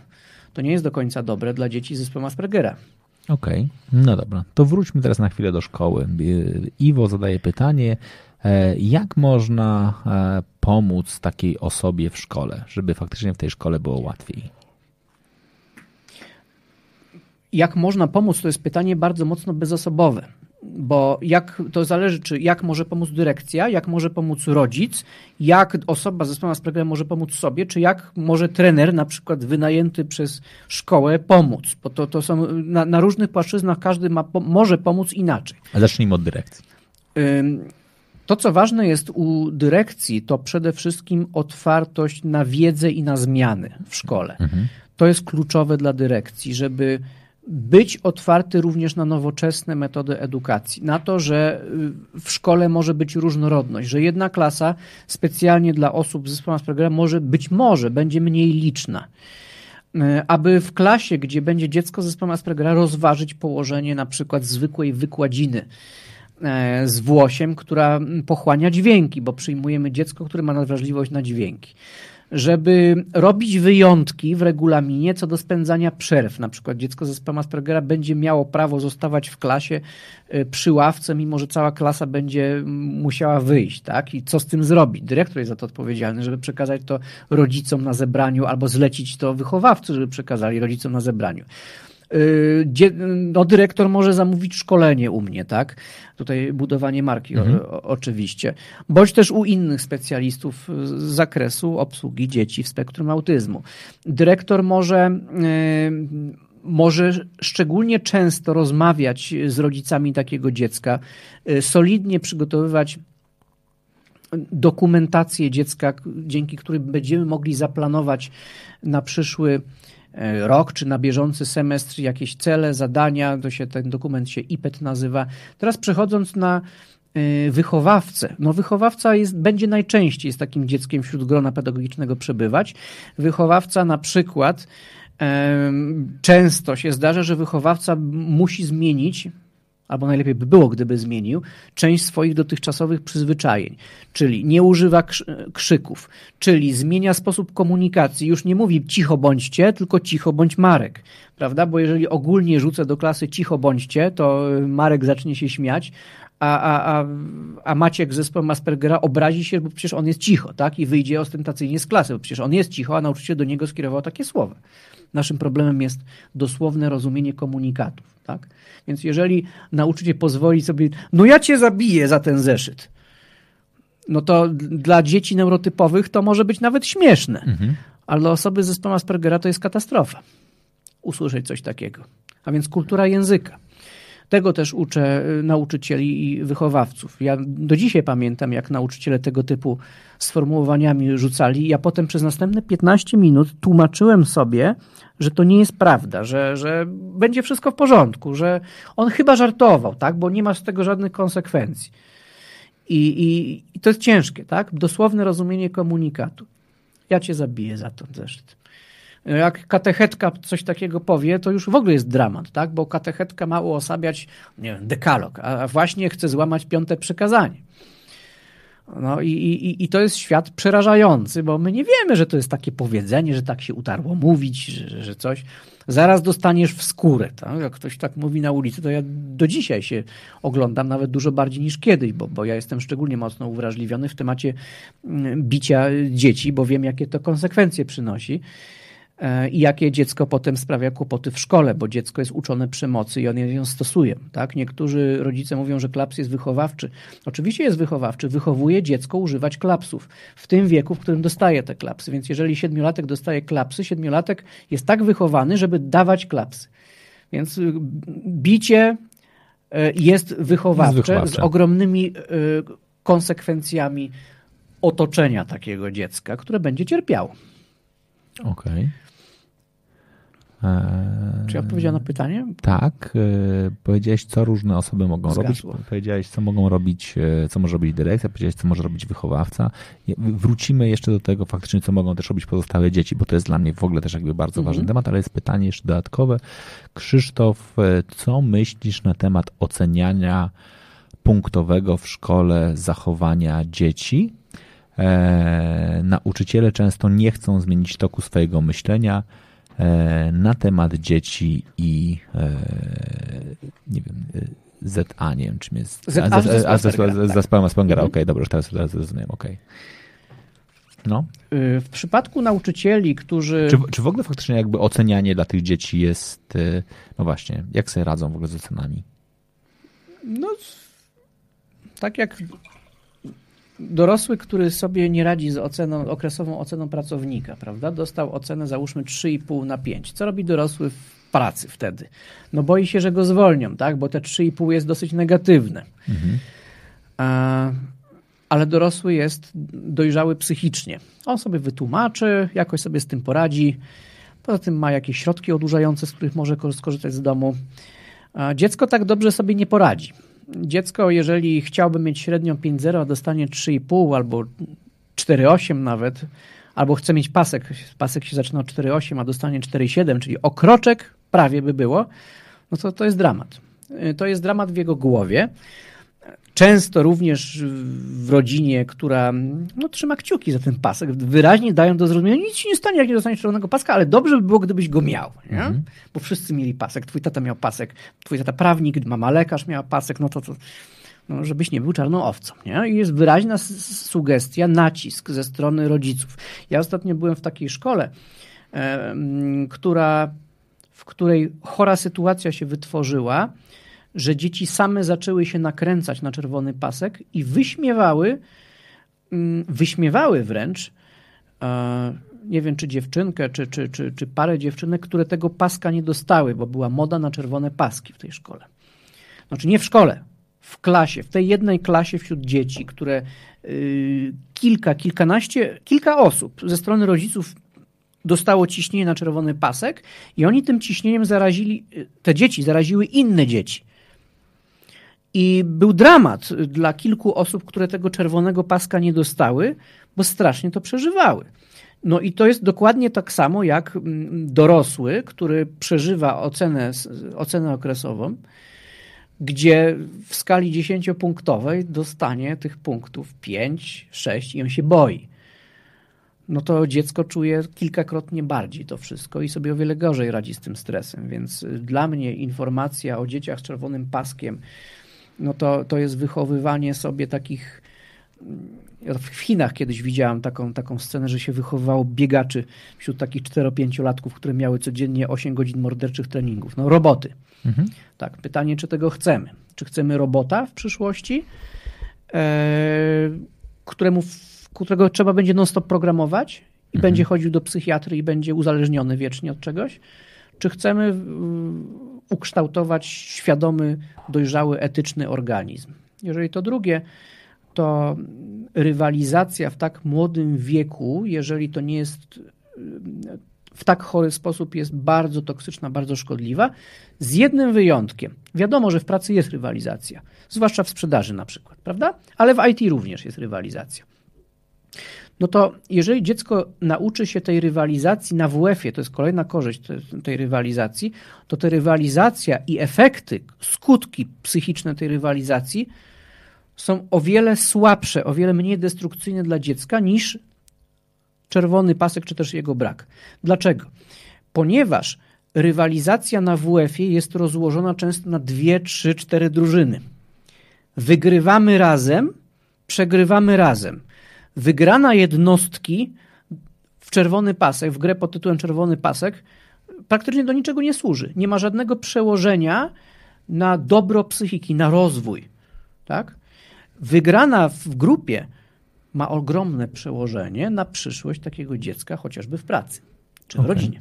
No właśnie, teraz dochodzimy do takiego bardzo ważnego punktu, który zresztą jest trochę powiązany też z zapowiedzią naszego odcinka, e, czyli przygotowanie e, osób do funkcjonowania w życiu zawodowym. Zacznijmy od WF. Mhm.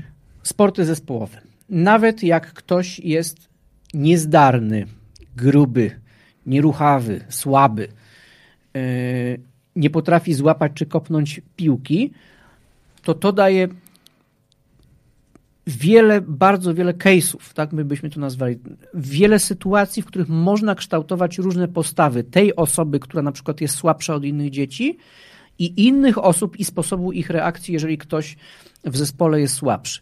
Przykład. E, wybór do drużyny na przykład w siatkówkę chłopaki się wybierają. Tak? Wiadomo, że zaczynamy wybierać dwóch kapitanów i mhm. tych dwóch kapitanów wybiera od najsilniejszych do najsłabszych, którzy zostawiają na, na końcu i z nosami spuszczonymi na kwintę idą e, do tej drużyny. No, ja się mieściłem gdzieś tak w drugiej od dołu ćwiartce, czyli byłem raczej z tej gorszej połowy, ale nie najsłabszy. Tak? Nigdy nie byłem e, najsłabszy. Wybierano ostatni. Nigdy nie byłem wybierany ostatni i zawsze trzymałem kciuki, żeby tylko nie ostatni, żeby nie być wybrany. I to było dla mnie ciężkie, bardzo ciężkie. E, przyzwyczaiłem się troszeczkę do tego. W wieku 7-8 lat nie potrafiliśmy grać drużynowo, bo każdy z piłką sobie chce sam zagrać wtedy, nawet jeżeli są zespołem. Potem w wieku już dojrzewania już zaczynają chłopaki ze sobą tworzyć zespoły i wtedy się zaczyna mm, satysfakcja z tego, że się przynależy do, do zespołu, wtedy WF-ista może prawidłowo nauczyć chłopaków, dziewczyny też, ale ja byłem chłopakiem, więc dlatego mówię, chłopaków może nauczyć przegranej, cieszenia się wygranej. Bardzo ważnym na przykład aspektem na moim WF-ie w podstawówce, gdzie pani WF-istka, która była równocześnie naszą wychowawczynią, po wygranej, po przegranej, bo dwie drużyny, mhm kazała sobie podać e, rękę, tak? I ten rytuał pogratulowania zwycięzcom i przyjęcia gratulacji przez zwycięzców to był bardzo ważna rzecz, bo to rozładowywało napięcie, bo my się czuliśmy zmęczeni, czasem zadręczeni tym, że przegraliśmy. Ja w wielu drużynach właśnie przegrywałem, ale ten rytuał to, jest taki, to był taki rytuał oczyszczenia, poza tym nie byłem sam. I ta przegrana, w odróżnieniu od przegranej w grze o czerwony pasek, rozkładała się na sześciu, siedmiu chłopaków. To było fajne, mhm. bo ta przegrana była lżejsza, a ja tak trochę jak żołnierz na treningu. No dzień był ciężki, wcale nie było fajnie, ale innym też nie było fajnie. I ten aspekt społeczności ba bardzo, bardzo silnie mnie kształtował na tym WF-ie. Mm, I to jest najlepsze, co, co może dziecko spotkać. To jest trening przeżywania silnych, skrajnie silnych emocji, pozytywnych lub negatywnych, niekoniecznie razem, ale wraz z innymi. To jest trening tego, że jak grasz sam, to cię inni nie lubią. To jest trening tego, że jak zdradzisz swoją drużynę, to cię inni nie lubią. Bardzo ważna lekcja, tak? Zaczniesz podawać innym, bo lubisz y, kolegę z innej drużyny, to cię tam zatłuką. Mhm. E, I, i, I to jest bardzo ważna lekcja społeczna i wcale nieoczywista dla osób w spektrum autyzmu. Okej, okay. no dobra. To jest jeden element. Co dalej? Jak dalej jakby przygotowywać jakby się, e, czy też jakby osoby ze spektrum autyzmu do tego, żeby jakby faktycznie któregoś pięknego dnia jednakże funkcjonowały wysoko w ogóle funkcjonujące, wysoko mhm. funkcjonalnie jak ty na przykład i jakby dokładnie jakby sobie radzili w życiu zawodowym? To po, podam ci od ogółu do szczegółu. Podam przykład y, te, tematu szkolenia, który jest idealny właśnie na rozwiązanie tego, na dojście do tego celu, o którym mówisz. Tytuł szkolenia. Praca projektowa na lekcji. Mhm. I ten temat szkolenia jest dla przedmiotowców. Bardzo fajnie, jeżeli to są nauki typu, typu geografia, biologia, y, fizyka, chemia, bo wtedy jest pewne pole na projekty. Mhm. Czasami jest trudniej na matematyce, na polskim da się takie prace e, projektowe zastosować. I teraz w pracy projektowej chodzi o coś, czego nie robimy przez jedną lekcję. Tylko, żeby nie przygotowywać się od lekcji do lekcji, od sprawdzianu do sprawdzianu, tylko żeby myśleć w dłuższej perspektywie czasu. Jeżeli nauczysz 10-11-latka myślenia, planowania sobie na kilka miesięcy do przodu, no to przygotowujesz osobę znacznie chętniej przyjętą w przyszłości na rynku pracy. Mhm. Jeżeli nauczysz na biologii, załóżmy, mm, żeby paru nastolatków, żeby sami się podzielili na zespoły, w których się lubią, i oni się podzielą na te zespoły, nawet kwękając, nawet przez 45 minut nic nie mogą zrobić, to na następnej lekcji, na innym przedmiocie, za rok, zrobią już to łatwiej. Nauczą się tworzyć zespoły. I teraz już w wieku nastu lat, już w wieku 10 lat nawet, mogą widzieć pewne swoje reakcje, z kim warto się trzymać. Lubię Jarka, więc chcę być z Jarkiem, bo jest fajny, bo rzucał petardy przed Sylwestrem, prawda? Bo jest taki i potrafi tam coś facetce powiedzieć. Ale Jarek nic nie zrobił na, na tych wszystkich lekcjach. Ja musiałem robić za Jarka ten projekt. To jest bardzo ważna lekcja. I ja wtedy tłumaczę wszystkim y, nauczycielom, nawet jak banda leserów nie zrobi nic, albo dwóch leserów z pięcioosobowej drużyny, to te trzy pozostałe osoby nauczą się, żeby z leserami nie trzymać. I to w najbardziej obiektywny sposób, jaki tylko może w szkole się takie dziecko tego nauczyć. Nie za pomocą durnych kazań nauczycieli. E, nie trzymaj z Jarkiem, bo on ci źle działa na mózg. Dzieci tego nie, nie czują, tak? One to słyszą, ale gromadzą informacje, więc nic z tym nie zrobią. Ale jak one poczują, że kumplowanie się z Jarkiem jest fajne, ale przyjmowanie go do swojej drużyny E, jest słabe, bo po paru miesiącach ja muszę za niego odwalać robotę, do której on powiedział, że zrobi, to on się nauczy, żeby sobie staranniej dobierać partnerów do biznesu w przyszłości, a także Jarek się nauczy, bo Jarek jest leserem, jak wiemy. Ale Jarek po reakcjach innych dzieci poczuje się troszeczkę jak ten ostatni przy wyborze do drużyny na WF-ie. Jego nikt nie chce. Dlaczego mnie nikt nie chce? Ha, bo ja nic nie zrobiłem. I on się przestraszy, ale nie nauczyciela, nie negatywnych ocen. On się przestraszy konsekwencji społecznych i się nauczy. Okej. I to jest przykład pracy projektowej. I teraz bardzo ważne w pracy z Aspergerami jest ta praca projektowa, bo to jest praca w społeczności. I to w małej społeczności. Zespoły projektowe w klasie, jeżeli klasa ma 20 osób, to można ich świetnie podzielić na cztery zespoły po 5 osób. Owszem, Asperger będzie kwękał, ale będzie zawsze kwękał, jak będzie musiał współpracować z innymi. I będzie też kwękał w życiu dorosłym, więc lepiej, żeby tutaj teraz troszkę pokwękał, ale żeby zaczął pracę z trzema pozostałymi osobami w drużynie, czy też z czterema, ale się tego nauczy, bo łatwiej jest mu nauczyć się w wieku młodym, wieku 11-12 lat, niż w wieku 30 lat. Łatwiej jest mu się nauczyć współpracy z zespołem 4-5 osobowym w dzieciństwie, niż w zespole 20-30 osobowym w wieku 25 lat potem, jak będzie miał. Więc on się uczy tego, że kwękać trzeba, ale trzeba swoje robić. Okej, okay, ale mam bardzo ważne mhm. pytanie, bo to jest tak, takie, my dużo rozmawiamy o tym, co WF, co poszczególne przedmioty, co poszczególni nauczyciele, co dyrektor szkoły, mhm. co praca projektowa daje osobom w spektrum autyzmu. Natomiast moje pytanie jest trochę w drugą stronę. Co sprawia, że jakbyśmy dokładnie mieli powiedzieć, że w przypadku pracy projektowej jestem tą osobą, która dobiera zespół, który będzie pracował projektowo, jestem kapitanem tego zespołu, że chętnie mhm. wciągam do swojej drużyny z, z osoby ze spektrum autyzmu. Znaczy, jakie są takie, takie najczęściej mocne strony akurat osób, które w, w ten sposób funkcjonują? W czym wy jesteście dobrzy? To są różnice indywidualne. Na pewno każdy z nas jest dobry w tej dziedzinie, na punkcie, której mamy bzika, świra. Mhm. Tak, to jest, to jest ten ekscentryzm. Ja znałem w latach pod koniec lat 90. wszystkie dane techniczne wszystkich samochodów dostępnych na rynku, tak? Y, jakbyś mnie spytał Opel Astra montowany w Polsce z jakimi silnikami występował, to ja ci teraz jestem w stanie powiedzieć, tak? 1.4, 1.4 MPI, 1.6 oraz 1.7 diesel, tak mocniejszy w Polsce nie było, za to w Niemczech było jeszcze 2.0 150 koni. I, i, i to, jest, to jest wiedza, którą ja posiadałem jako 15-latek.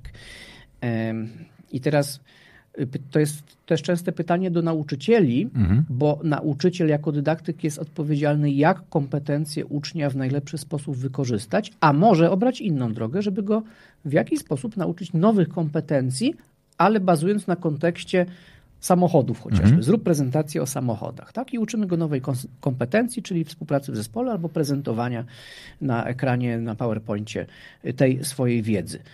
Mm, kapitan. Pytałeś o kapitana. Fajnie jest w pracy projektowej z dzieciakami i to też jest ogromna korzyść, że kapitanem wcale nie musi być jedna osoba cały czas. Mhm. Że mogą być dyżurni kapitanowie, którzy mogą się zmieniać co parę tygodni na przykład. Gorzej jak kapitanem jest się przez jeden dzień, tak? bo jest jedno mhm. zadanie grupowe na jedną lekcję przez jeden dzień, no to tak do niczego nie dojdziemy, tak? bo to mhm. nie uczy odpowiedzialności i planowania na długi czas. Ale jeżeli kapitanowie się zmieniają co, co, co tydzień, co dwa, co, co trzy tygodnie mhm. w ciągu semestru, to jest bardzo, bardzo pozytywnie. Każdy może spojrzeć jakby na siebie, widząc reakcje innych, innych osób. Potem jest dyskusja oczywiście, to tak jak po, po szkoleniu, tak? po prawidłowym szkoleniu biznesowym musi być dyskusja po każdym case'ie, po każdym ćwiczeniu, co tam się zadziało. Bez dyskusji takie case'y nie mają żadnego sensu właściwie. Mhm. E, tak, tak samo właśnie ta prawidłowa praca z dzieciakami, czyli wyciąganie wniosków. I teraz ja spotykam się często z taką chęcią nauczyciela, z taką bezbłędnością, ale on tego nie zrobi. Ale on nie zahoduje tego kwiatka, nie wystawi go na parapet i zapomni go podlewać już po dwóch tygodniach. Mhm. I ja na to odpowiadam, to dobrze. W najgorszym wypadku, znaczy ja wiem, że to straszne tak mówić o kwiatkach, ale w najgorszym wypadku ten kwiatek zwiędnie się dzieci nauczą jakby cyklu przyczynowo-skutkowego. Oczywiście, oczywiście. Temu zwięd jest dana w Excelu? Jest. W tym przypadku kwiatek zwiąd, bo nie był podlewany ile? Aha, dwa tygodnie. No jest wniosek. Kwiatek bez wody trzymany tydzień wytrzyma, trzymany dwa, trzy tygodnie nie wytrzyma. No jest kolejny wniosek. I szkoła, to też uświadamiam często nauczycielom podczas pracy nad tematem właśnie projektów, że projekty są po to, żeby prowadzić je w sposób niedoskonały, bo tak naprawdę w szkole nie chodzi o to, żeby projekt doprowadzić do końca, tak jak już w życiu zawodowym, e, tylko chodzi o to, żeby nauczyć się tej pracy projektowej również poprzez błędy. Żeby dyskutować nad błędami, żeby była na przykład po zakończeniu takiej pracy projektowej po dwóch, trzech miesiącach, żeby był czas na samoocenę, na ocenę przez zespół, na ocenę przez innych kolegów, koleżanek w klasie i ocenę przez nauczyciela słowną. Nie wystawioną na zasadzie dostajesz cztery, tylko słowną. No nie wyszło mi to, bo zapomniałem w pewnym momencie podlewać. To jest ocena. Mhm. I to jest ocena bardzo skuteczna, bo po pozwala na wgląd w siebie, ocena jakościowa. Okej. Okay. Ja wrócę na chwilę do WF-u, bo Sylwia zadaje pewnie bardzo ważne pytanie. Co w przypadku, jeśli to właśnie WF jest przyczyną histerii, poczucia niskiej wartości, przekonania, że jest się nikim? Mój syn jest tym ostatnim wybieranym i jeśli drużyna przegrywa, odpowiedzialność spada na niego, bo to przez niego, bo był słaby, bo wpuścił piłkę i tak dalej. Jak w, jak w takiej sytuacji pomóc dziecku? Mm, to są problemy, które miały gdzieś tam wcześniej swój początek i powiem tak, sprawy daleko zaszły i nie ma bez kontaktu z dzieckiem, z rodzicem, a czasem nawet z nauczycielami jasnej odpowiedzi, co teraz robić, bo mm, to jest takie zaniedbanie wielopoziomowe mm, zaniedbanie na płaszczyźnie relacji dziecko-nauczyciel, na zasadzie, na relacji nauczyciel-rówieśnicy, tak, czyli inne dzieci. Mhm. No, to jest bardzo częste, że y, na WF-ie dzieciaki zwalają winę za porażkę na najsłabszego. I, I teraz tutaj chodzi o kompetencje WF-isty, który wtedy ma znaczenie. Nie krytykujemy, jesteśmy drużyną, można tak powiedzieć, a można powiedzieć, e, przegraliście, no to przegraliście, no to trudno, idźcie do domu już. I wtedy cała dyskusja pomeczowa odbywa się w szatni. To mhm. przez ciebie, ty jesteś gruby, ty, ty, ty jesteś i tak dalej. Więc od prowadzącego lekcję to zależy. I to są kompetencje nauczycieli, z których też mam szkolenia, bo, bo, bo te kompetencje, akurat tutaj wchodzi inny temat, e, temat, który się nazywa mm, skuteczne ocenianie, e, konstruktywna krytyka. I, i mm, te, te wartości oceniające muszą być połączone nie z wypominaniem przyszłości, tylko co na przyszły raz zrobić, albo jak reagować na porażkę. Ty dobrze wiesz o tym, bo, bo jesteś psychologiem sportu. To, to jest kluczowe. Sposób przeżywania zwycięstwa i sposób przeżywania hmm. porażki. Tak? Porażka boli i, a, a, i, i ludzie próbują szukać kozła ofiarnego podczas przeżywania porażki. Tak? I to jest toksyczne. Więc porozmawianie z dyrekcją o, o, o, o tym, żeby czy też samym WF-istom y, o ocenianiu po meczu tych, tych chłopców, bo w każdym zespole jest słabizna i jest cienias i jest ten najlepszy, który prowadzi mecz. E, to jest norma. No tak. No Może nie w każdym, przesadziłem. No nie, ale zawsze, zawsze będę mówił, bo to jest tak, to, co dokładnie powiedziałeś, to jest e, kwestia tylko poszukiwania kozła ofiarnego. Tak. W sporcie zawsze przypominamy, gdyby ci najlepsi zagrali naprawdę najlepszy mecz, to nie ma takiego słabizny, który by powodował, że przegrają. Tak? No znaczy, jasne. Znaczy to, to jest zawsze suma jakby i pochodny jakby wszystkich. To widać było po mistrzostwach świata w piłce nożnej naszych ostatnich, nie, gdzie nie, znaleziono... Nie, nie będziemy, nie będziemy o tym rozmawiać, tak. nie, bo, to, bo, to, bo, to, bo, to, bo chciałeś powiedzieć, teraz się przyczepić znowu do tych e, bardzo miłych i sympatycznych panów, którym e, trochę gorzej poszło. No. Nie, nie. Ja raczej chciałem powiedzieć o tym ataku naszych władz piłkarskich na trenera. O. Okay. O tym chciałem powiedzieć, bo to jest był kozioł ofiarny, tak? Tego wszystkiego. No. Jeden z kozłów ofiarnych. Jak się później okazało, e, Czasami sobie też nie poradził w innej drużynie, ale to już. No, ja jestem chłopak z Warszawy, to jakoś nie mam tutaj dużego żalu. Myślałem, że z Gdańska. Znaczy, po, po, z pochodzenia tak, ale te, teraz, teraz jestem już 20 lat w Warszawie, więc generalnie. A, już jest, już Mogę się śmiać, mogę, się, mogę świętować e, wygraną Gdańska i mogę świętować wygraną Warszawy. Mój brat jest w tej chwili w Gliwicach, więc on jeszcze mógł ostatnio świętować wygraną Gliwic. To już w ogóle Komu kibicowałeś jak Lechia z Legią Warszawy? A ja, a ja zawsze będę mówił, bo wtedy zawsze będę mówił, że grają po prostu sami nasi. Ja, ja, ja, ja mam wtedy... Czy byś się cieszył w jednym i drugim Ja mam absolutnie wtedy duży luz i wtedy no. jest jakby bardzo, e, bardzo fajnie. E, dobrze, wszystko musi zagrać. E, e rodzice, nauczyciele, uczniowie, koledzy, przyjaciel, można zaproponować zmianę, e, zmianę z nauczycielem dobrą, czyli przez obserwację powinien wybierać takie gry, w których e, syn mógłby się wykazać. To jest pytanie mm -hmm. faktycznie, co w sytuacji, w której jest, jest, mm -hmm. jest gorzej, nawet no stworzyć taką grupę, która jest świadoma po prostu e,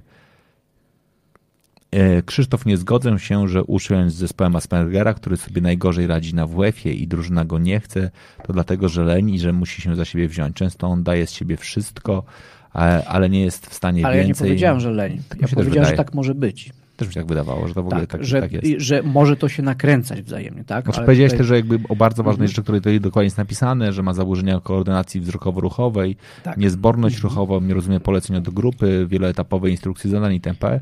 I się szybciej zamówię i, i niż zmotywuje. Tak, Monika, masz bardzo, masz, masz mhm. bardzo dużą rację jakby w tym obszarze, ale faktycznie to, co nas jednakże nakręca do działania, to jest sukces, a ja rozumiem, mm -hmm. że to i bardzo często jest tak, że ponieważ nie ma tych szybkich sukcesów, to jest y, ryzyko tego, że nie podejmie e, próby rozwojowej, no jak nie podejmie próby rozwojowej, no to faktycznie z każdym kolejnym okresem, czy też czasowym okresem będzie coraz gorzej. Czy dużym zagrożeniem jest to, że w przypadku porażek yy, często jest tak, że osoby z Aspergerem yy, w ogóle z spektrum autyzmu uciekają od problemu. Tak? Mhm. I wtedy nie widać. Nie widać, czy on dalej próbuje, czy ma z czymś problem. Właściwie nie wiadomo, jak mu pomóc, bo ktoś, kto uciekł, to jego już nie ma. Mhm. On mógł uciec w książki, on mógł uciec w swoje hobby, on mógł uciec w steamy, on mógł uciec potem w wieku dorosłym w alkohol, w papierosy, w narkotyki. Mm, bo w taki sposób często kończymy, tak? Mhm. E, I uzależnienia są bardzo dużym problemem w świecie autyzmu, zwłaszcza tego wysoko funkcjonującego, bo przecież jak ktoś jest słabo funkcjonujący, to cały czas ktoś nad nim czuwa, prawda? Opiekun, pielęgniarka, rodzice. Natomiast jak ktoś jest wysoko funkcjonujący, to wbrew pozorom e, o wiele więcej zagrożeń na niego czyha dookoła, o wiele łatwiej mu się uzależnić, a jeżeli ktoś, kto czuje za dużo i po wypiciu dwóch kieliszków wódki odczuwa komfort, bo wreszcie mniej czuje, mhm. to on się bardzo szybko uzależni. Bo dzięki temu on wreszcie przestanie być nadwrażliwy na jakieś bodźce, z którymi ma problem. To jest ogromne zagrożenie. Okej, okay, znaczy, czyli jeżeli w ogóle mówisz o tym, że po prostu mam, wy czujecie inaczej, mhm. e, to na poziomie jakby zagrożeń jestem w stanie po, po kolei sobie jakby znajdywać wszystkie substancje aktywne, zaczynając od alkoholu przez narkotyki, które albo jakby obniżają naszą czujność, czyli jeżeli jesteśmy hiperaktywni, albo zwiększają z kolei doznania, jeżeli mamy większe zapotrzebowanie na stymulację. Tak, no każdy ma swój ulubiony narkotyk, miałby, Aha. gdyby brał, prawda? Mhm. Więc wysoce prawdopodobne jest, że osobom z nadwrażliwościami będą bardziej odpowiadać te, te substancje psychoaktywne, które osłabiają Wygłuszające. zewnętrzne, mhm. a i odwrotnie w przypadku niedowrażliwością, te pobudzające, stymulujące.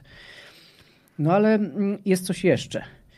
E, tak jak mówiłem na początku, nie wiem czy już na wizji, czy jeszcze przed wizją, że wśród osób y, z zespołem Aspergera ponad 60% osób miało myśli samobójcze, a 35% osób y, jest po miało próbę samobójczą, tak? I o, o czym ja chcę powiedzieć? O skłonnościach do obwiniania się, o takich tendencjach autodestrukcyjnych mhm. wśród tych osób, o samoobwinianiu się. Te osoby często siebie nienawidzą, to przechodzi w depresję i w autoagresję. Autoagresja może być słowna, może być fizyczna. W przypadku autoagresji słownej, tak, częściej u, u dzieci mm, niż fizyczna, to mamy do czynienia z, z mówieniem na sobie: jestem głupi, nic mi się nie udaje, jestem beznadziejny. E, jeżeli się słyszy tego typu głosy od dzieci, od młodzieży, to należy to utożsamiać w, z najgorszym scenariuszem. Ze scenariuszem, że się pojawiła autoagresja, że jest to czasem może być to wynik depresji, ale my nie, nie bagatelizujmy tego, mówiąc, że a, to może to nie w tym przypadku. Ja też również nauczycieli mm, uczę, jak rozpoznawać symptomy osób z depresją, które mogą się targnąć na swoje życie, bo to jest temat dla nauczycieli klas starszych. Mhm. E, wiek dojrzewania to jest wiek, gdzie człowiek jest bardziej śmiały, bardziej radykalny i w poglądach, i w czynach. I te osoby, ta młodzież jest bardziej niż młodsze dzieci narażona i na depresję, i na próby samobójcze. E, a szczególnie częściej chłopcy w tym wieku niż dziewczynki, a szczególnie częściej osoby z zespołem Aspergera niż osoby neurotypowe. Okay. Tak? A umiesz jakby trochę wyjaśnić, z czego to wynika? Umiem. To poproszę. Właśnie składam zdanie. Okay. To jest ta y, bezpośrednio. Tak, gdybym y, był gorzej funkcjonujący, to bym ci odpowiedział umiem. Okay. Tak, ale wiem, że za tym coś idzie jeszcze, więc, więc już, już, się, już się staram to robić. Mm. Zwróćmy uwagę na taką sytuację. Nie radzę sobie z kolegami, ze znajomymi. Mhm. Jestem niezdarny na WF-ie. Nie lubię współpracy w zespole, bo źle mi się układa z ludźmi, ludźmi nie lubią, a ja nie lubię ludzi. Dojrzewam, mam 14, 15, 16 lat, zaczyna mi się chcieć uprawiać seks. Ale żadna partnerka mnie nie chce, bo ludzie mnie nie lubią. Albo większość partnerek mnie obrzydza, bo, bo, bo to są ludzie, tak? A z ludźmi się nie dogadywałem zawsze, więc mnie kobiety. Ale mi się chce, ale nie mogę. Słyszę od rodziny, że co to będzie, kiedy i jak ja założę rodzinę. Nie myślę o tym, ale jest presja społeczna. Albo myślę o tym, ale nie wiem jak i jest presja społeczna. Z pracy mnie wypieprzyli, bo nie lubię ludzi. I w końcu ktoś się zorientował, że ja jestem słabym członkiem zespołu, więc mnie wyrąbali. Z drugiej pracy, pod rząd. Postawili mi mandat, nie wiem za co, bo pyskowałem policjantowi. Nie znam norm społecznych, więc mówię to, co myślę. Tak? Jestem szczery i nie kłamię. Jak mówię, że policjant jest durny, to dlatego, że tak uważa. A on mi wystawił mandat za to. Do tego przyszły rachunki do zapłacenia tak? bo kiedyś wziąłem telefon, bo, bo, bo coś tam. Nie mam na to pieniędzy. A dlaczego nie mam? Bo mnie wyrąbali z pracy. Za dużo czuję. Te odczucia, te stresory są znacznie silniejsze przez te pasmo tych obiektywnych powodów, a do tego są inne obiektywne powody, że skoro mam nadwrażliwość i idę sobie ulicą, tak? ale jerozolimskie, wszystko mi wokół hałasuje, nagle idę na przejściu i mnie taksówka sztromi, to to już jest przegięcie. To już jest tego jest za dużo. To jest przestymulowanie. I teraz pytanie, jak dana osoba ze spektrum autyzmu będzie sobie z tym radziła? Mhm. Jedna osoba, znaczy już, już, już z góry mówię, że to jest ciężkie do poradzenia sobie, ta ilość stresorów wokół. Jednej osobie wystarczy, że pomacha sobie rękoma i zaszyje się w swoim pokoju, posiedzi w łóżku trzy dni na przykład. Inna będzie na to potrzebowała miesiąc. Tak? I nawet wysoko funkcjonująca osoba z zespołem Aspergera będzie potrzebowała miesiąc, żeby odpocząć od tego wszystkiego. Jeszcze inna osoba zamknie sobie kotary szczelnie, odpali sobie jakąś ciężką metalową muzykę, na przykład Rammstein. Rammstein nie jest ciężki, ale jakąś, jakąś inną, Iron Maiden czy coś takiego. I w ten sposób po tygodniu wyjdzie z tego domu. Młodzież może zacząć sobie robić, nie wiem, jakieś tatuaże, rysować sobie lowę kasie, robić sobie piercing, malować się, przybijać sobie uszy. Niektórzy psychologowie uważają to za symptom autoagresji u dzieci. A jeszcze inni, dorośli, wezmą sobie wódę i się uchleją, żeby zapomnieć o tym wszystkim. I mówi się, że alkohol nie rozwiązuje problemów. Mhm niestety w świecie autyzmu rozwiązuje.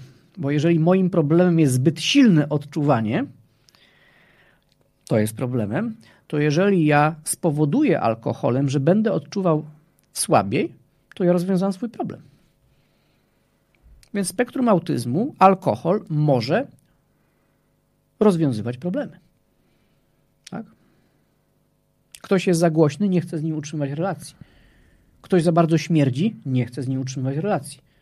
Zostało tylko dwóch członków zespołu z czterech. Okej. Okay. Dzięki alkoholowi potrafię przez to przebrnąć, nie? Czy odpowiedziałam na pytanie twoje? A czy powiedziałeś jakby w, w dużej mierze jakby jak to może e, funkcjonować, jakby co, co się z, z tym e, może dziać, natomiast pojawia się pytanie w takim to jak w tej sytuacji pomóc? Im wcześniej, tym lepiej. To było powiązane z, w nawiązaniu do, do, pytania, które już się wcześniej pojawiło, w jakim wieku informować dziecko o tym, że ma zespół Aspergera, w jak najwcześniejszy. Więc tu jest kluczowy czas. Czas, w którym nauczymy danego osobnika kilku rzeczy. Funkcjonowania w społeczeństwie, y, zawodu, to znaczy wykonywania czegoś dobrze, na co jest popyt, bo to jest kluczowe w przypadku zawodu. I tu znowu otwiera się całe pole spektrum autyzmu, bo przecież spektrum autyzmu raczej należy y, szukać, jeżeli się jeszcze nie znalazło, obszarów pracy, w, w których Twój sukces zawodowy nie jest uzależniony od relacji społecznych. Coraz cięż, ciężej jest znaleźć w ogóle taki zawód. No tak jak dawniej był szewc na przykład. Nie no, szewc, ja mogę powiedzieć, że szewc jest dzisiaj jakby bardzo pożądanym zawodem. Na tak? szczęście e, wraca trend tak. na to, żeby, że tak powiem, dawać second life tak. różnym rzeczom, że buty mhm. coraz częściej naprawiamy, to wraca. Na szczęście Zgadza się. z takich dobrych rzeczy wracają takie zawody. Zgadza się, ale że, dzisiaj wraca. szewc bardziej niż kiedyś jego sukces zawodowy zależy od budowania relacji. To prawda. No właśnie. A o, o tym właśnie mówię. Tak? To jest taki. W dzisiejsze, dzisiejsze czasy nie bardzo sprzyjają, wolny rynek nie bardzo sprzyja osobom z autyzmem wysoko funkcjonującym. No, jak jesteś dobrym, wziętym lekarzem, to jeszcze pół biedy z tymi relacjami. Możesz być gburem. Doktor House na przykład jest tak klasycznym jest. przykładem osoby, która społecznie nie jest mistrzem no, dużo świata. osób podejrzewa tam osobę, czy aby na pewno reżyser, czy też scenarzysta nie miał na myśli tutaj w przypadku House'a właśnie zespołu Aspergera, być może. Naprawdę? Ale takie jest takie jakby... Tak, tak się... sobie tak rozmawialiśmy ze znajomymi. On ma coś w sobie z Aspergera trudności w budowaniu i utrzymywaniu relacji społecznych, Aha. nadwrażliwości, mhm. bardzo świetna znajomość wąskiej dziedziny, mhm. E, skłonności do, do, do, do leków, które przecież zażywał, czy do alkoholu. No, coś w nim jest takiego autystycznego. Okay. Wiemy, że Messi ma Aspergera, wiemy, że Eminem się przy, przyznał, że, mhm. że ma Aspergera. Y, czasami się podejrzewa Marka Zuckerberga o Aspergera, natomiast gdzieś czytałem, że, że nigdy ani on się nie przyzna, ani nikt z jego otoczenia tego oficjalnie nie potwierdzi, bo nawet nie wolno by było. Okay. Bo to mogłoby w przypadku tak ważnego człowieka załamać na przykład kurs akcji tak, okay. Facebooka, więc on się nie powie o tym. Bill Gates ma Aspergera. Okej, okay, ale czyli, czyli wskazujesz osoby naprawdę bardzo dobrze funkcjonujące?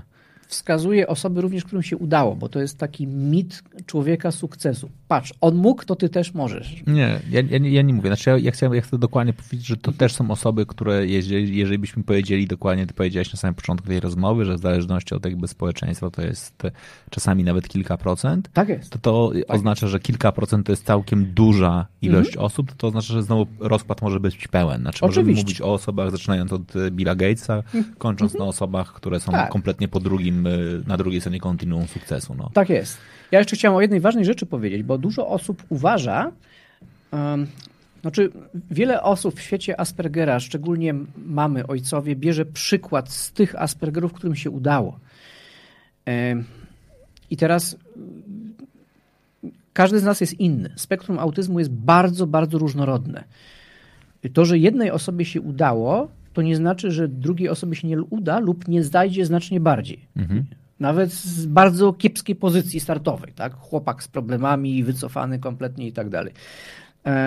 Spektrum autyzmu jest bardzo różne, bo mm, jest to, zauważ, już sam fakt nadwrażliwości czy niedowrażliwości, które będą decydować o Twoim życiu. Ktoś ma niedowrażliwość na, y, na dotyk, mhm. będzie chciał stymulować się dotykiem, będzie odporny na ciosy i zrobi świetną karierę bokserską. Mhm. Ktoś, kto, kto ma nadwrażliwość na dźwięki i słysząc niesamowicie te dźwięki, może w pewnym momencie życia stać się niesamowitym technikiem czy, czy muzykiem z powodu mhm. swojej wrażliwości e, słuchowej.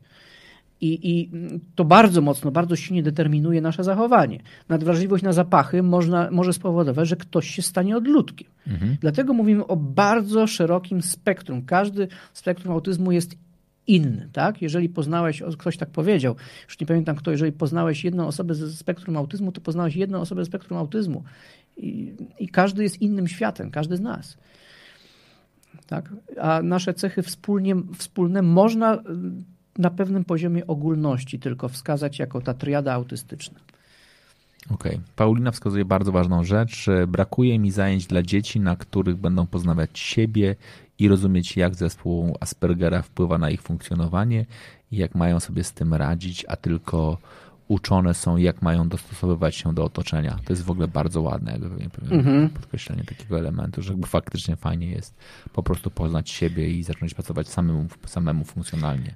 Jest kilka fundacji, które się tym zajmuje, koloniami, obozami, dla, zajęciami dla takich dzieci. Jest tutaj w Warszawie, mm, jest... Czy w, przepraszam, w, w Opolu jest na przykład Prodeste, które organizuje kolonie, na których mówi, uczy się dzieci wyrażania swoich potrzeb, odczytywania tych potrzeb, patrzenia uważności na inne dzieci. E, w Warszawie jest e, Fundacja Synapsis, która się podejmuje podobnych zadań. E, jest ich coraz więcej.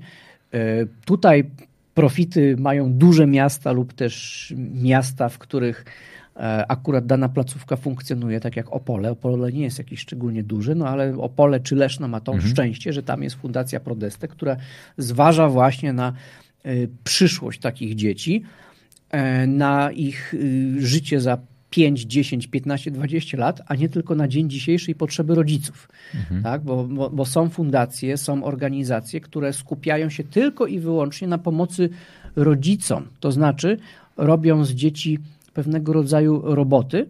Na terapiach uczą ich bezwzględnej posłuszności i słuchania i niesprawiania problemu. I owszem, to jest bardzo skuteczne, bo rodzic nagle przestaje mieć problemy z dzieckiem. Tyle tylko, że to nie rozwiązuje problemu dziecka. Tak wygląda większość terapii dla, dla osób autystycznych, jeszcze większość w naszym kraju. To się powoli zmienia. Do rodzaju takich terapii na przykład mm, należy mm, terapia behawioralna. Tak? Gdzie, gdzie dzieci uczy się metodą nagród, dawniej więcej kar, dzisiaj trochę mniej kar, kar i nagród, mm, jak reagować, jak sobie radzić, że agresja ma się kojarzyć z czymś złym i dzięki temu wygasza się ich e, agresywne reakcje na zbyt silne bodźce ale to nie rozwiązuje problemu dziecka, że dziecko przeżywa bodźce za silnie.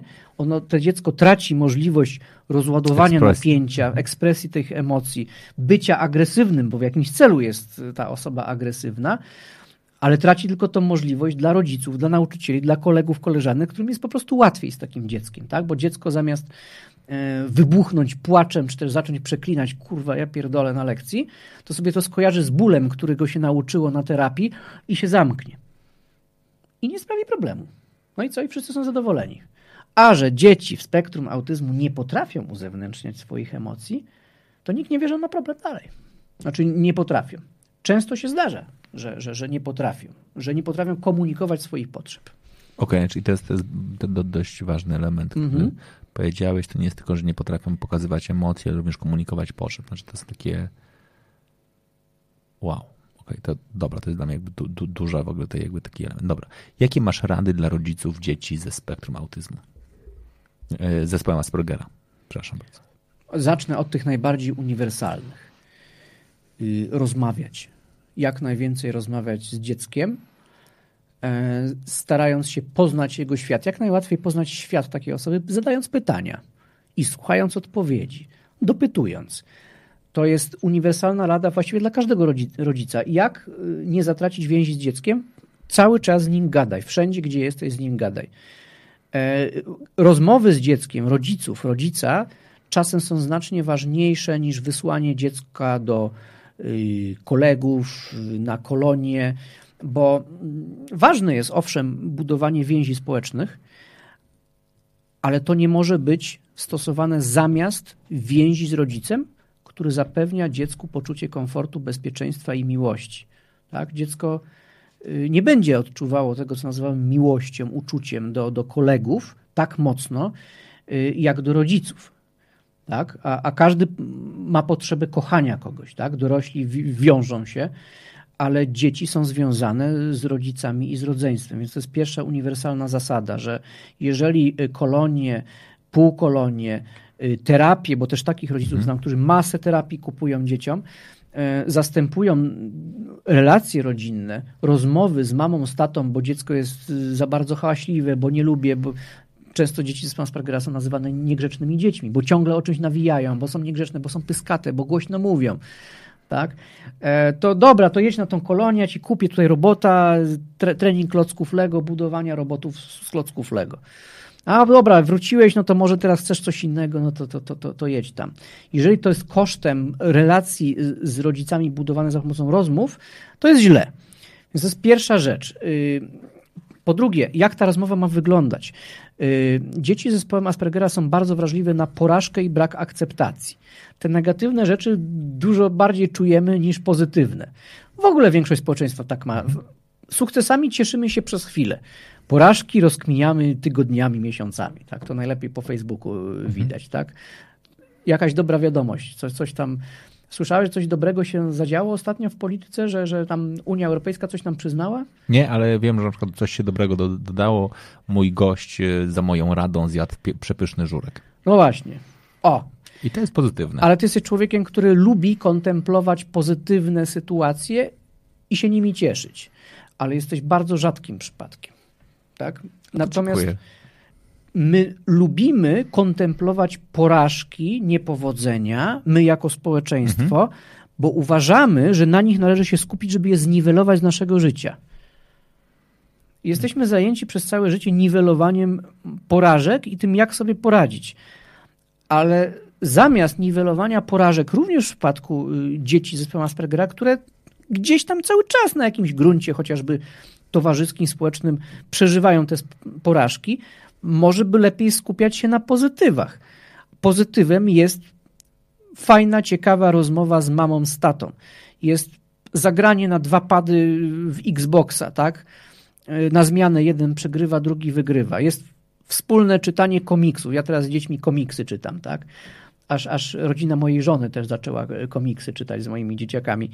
Czytam im Tytusy, Asterixy, Kajka no i Kokosze, to wszystko, co mnie w dzieciństwie spotkało, to ja teraz z nimi czytam. Ja naśladuję głosy, tu jestem Asterixem, Obelixem, to jest tak męczące, że ja potem zasypiam jak kamień po, po takim maratonie półgodzinnym, ale ja to, ja to robię, tak? E, ale i to jest właśnie bliskość z dziećmi, bycie przy dziecku, rozmawianie i co ważne, rozmawianie bez oceniania. Mhm. To jest element z prawdziwego coachingu, tak? Rozmowa bez oceniania, taka etyka pracy e, coacha. Trenerowi już wolno oceniać, nauczycielowi wolno. Ja to często na szkolenia dla nauczycieli też mówię o tym ocenianiu kształtującym, czyli takim ocenianiu, żeby nie krzywdziło, tylko dawało konstruktywne rady na przyszłość. Mhm.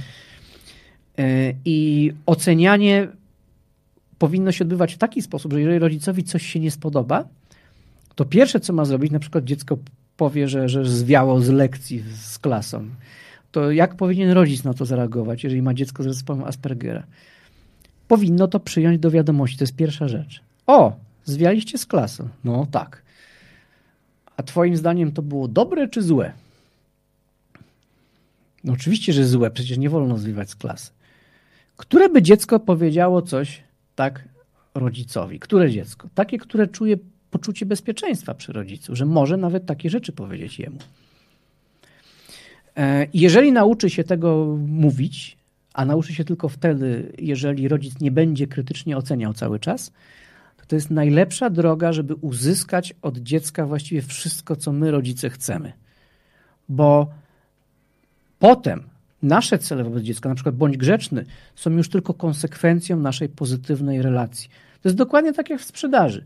Zbuduj relację z klientem, a kontrakt to jest tylko kwestią formalną. Mhm. Tak, tak, w dużej mierze później jest dobrze. Jest mhm. pytanie, ponawiam, e, jest, e, ponawiam prośbę Izy, aby więcej powiedzieć na temat depresji dzieci z zespołem Aspergera. Ja muszę znaleźć pytanie Izy, ewentualnie, które jest gdzieś e, wcześniej, którego nie mogę znaleźć, ale myślę, że to też jest jakby w dużej mierze wystarczające tak na razie, a będę sobie szukał jakby ewentualnie uszczegółowienia. Możesz powiedzieć więcej? Depresja może się pojawić bardzo wcześnie, e, zwłaszcza w przypadku zespołu Aspergera, który doświadcza mocniej, częściej i jest dużo odrzucenia społecznego. Ja słyszałem ostatnio o najmłodszym samobójcy. Nie wiem w jakim kraju, nie wiem w którym roku. Wiadomość potwierdzona, miał 6 lat. Y, więc w skrajnych przypadkach już w tym wieku u dzieci mogą pojawiać się bardzo negatywne odczucia, mhm. które jeżeli zostaną zaniedbane, przedłużone, ono będzie żyło w tych emocjach, to to to się niestety przedłuży. I teraz na każdym etapie tym szkolnym, mówię o etapie wczesnoszkolnym, okres, ja to sobie dzielę na okres przeddojrzewania i okres dojrzewania. Dokonujemy jakby innych czynności i mamy inną wrażliwość na tą depresję. Najrzadziej z tych trzech etapów oczywiście depresję, depresja zdarza się u dzieci najmłodszych. Jeżeli pojawia się, no to jest ona bardzo, bardzo często y, ma, ma, ma przyczyny zewnętrzne. Y, skłócona rodzina, rozwód. Y, u nas ostatnio o kilkaset procent zwiększyła się ilość rozwodów oraz walk pomiędzy rodzicami, tak? bo rozwód to pół biedy. Tak, my jesteśmy skupieni na problemach rozwodu, ale problemem nie jest y, tylko i wyłącznie sam rozwód, ale to, co rodzice robią w, trakcie rozwodu i po rozwodzie. Mówię to mhm. jako z pierwszej ręki. Mhm. Tak? I o walce z rodzicami mówię z pierwszej ręki. I te czynniki zewnętrzne, dzieci w wieku wczesnoszkolnym są dla siebie łagodne, łatwo sobie wybaczają, więc to zazwyczaj nie będzie problem. Jeżeli dziecko jest wrażliwe, bardzo wrażliwe, przeżywa coś głęboko, to w wieku wczesnoszkolnym łatwo jest odkręcić to jeszcze. Tak? Ono jest wrażliwe często na takie bardzo błahe powody, bo dziecko nie potrafi radzić sobie z błahymi problemami yy, i, i, i będąc yy, wrażliwe na błahe problemy, to błahe problemy łatwiej rozwiązać niż problemy ciężkie. I potem przychodzi wiek przeddojrzewania, gdzie już pojawiają się różnice e, w klasie. Jeden dojrzewa szybciej, drugi e, wolniej. Jeden jest silniejszy w związku z tym, drugi jest słabszy. Jednemu wyrosły już włosy pod pachami i wkroczył, a drugi się czuje ciągle jak dziecko. Jeden pobił tego, bo się wyżywa, bo chciał dziewczynkom zaimponować, a ja nie wiem, co zrobić, bo jestem słabszy. E, to są już przyczyny bardzo solidne do tego, żeby ta depresja się pojawiła, żeby brak wiary w siebie się pojawił. Do tego dochodzi reakcja e, na, na siebie nawzajem. W klasach zbyt kiepsko prowadzonych przez nauczycieli, w klasach na przykład w szkołach z dzielnic patologicznych, e, tak jest, że no, patologia z domu przenosi się do klasy. A więc pobicia, takie utarczki słowne z bardzo niecenzuralnym językiem są na porządku dziennym. Tak? Patostreaming jest zjawiskiem, który powoduje bardzo dużo złego w ostatnich y, miesiącach, kilkunastu miesiącach, a rodzice i nauczyciele nawet nie wiedzą, czym to jest. Jak ja mam szkolenia o przeciwdziałaniu y, czynników ryzykownych dla nauczycieli, jak im mówię patostreaming, to 95% nauczycieli nie ma pojęcia, co to jest patostreaming. 95% rodziców nie wie, co to jest patostreaming, a 95% nastolatków wie, co to jest patostreaming i są zorientowani w patostreamerach. Mhm. Tak? To są straszne statystyki. Niewiedza jest tak silna, zajmujemy się niepotrzebnymi sprawami, a umyka nam tak potwornie niebezpieczne zjawisko, jakim jest patostreaming. Niebezpieczne zjawisko, bo dzieciaki tam widzą swoich idoli, w mhm. cudzysłowie idoli, co oni robią, że chleją na wizji, że się leją, że chłopak wali w laskę tak, swoją. Y, to jest koszmar. Oni dostają wzorce, które potem próbują zaadoptować. To im oczywiście nie wychodzi, bo, bo tam się biją dla kasy, dla pieniędzy na chwilę, na YouTubie czy, czy na showup.tv. E, na YouTubie, dopóki YouTube nie zdejmie takiego kanału. E, natomiast w klasie oni to robią naprawdę. Mm, wzorce zachowań seksualnych są, no rodzice jak nie rozmawiają, to jest największy grzech rodziców, tak, nie rozmawiać, albo rzadko rozmawiać. No to skąd oni, dojrzewający nastolatkowie, mogą czerpać wzorce, e, wzorce zachowań seksualnych? No z Pornhuba, tak, z RedTube'a i, i, i tam są te wzorce, a im to nie wyjdzie, bo, bo nawet nie mają takich możliwości mm, psychofizycznych, żeby to wszystko im tam wyszło, ale myślą, że tak trzeba. Dziewczynki myślą, że tak trzeba. Nie wyglądają jak sekslaska, dziewczynkom dojrzewającym no, mają pryszcze, tutaj im przychodzi ciałka, dziewczynki się załamują. E, dziewczynki są o wiele bardziej wrażliwe na swoje ciało niż, niż chłopcy, o wiele bardziej przeżywają wzrost tężyzny fizycznej niż, niż chłopcy.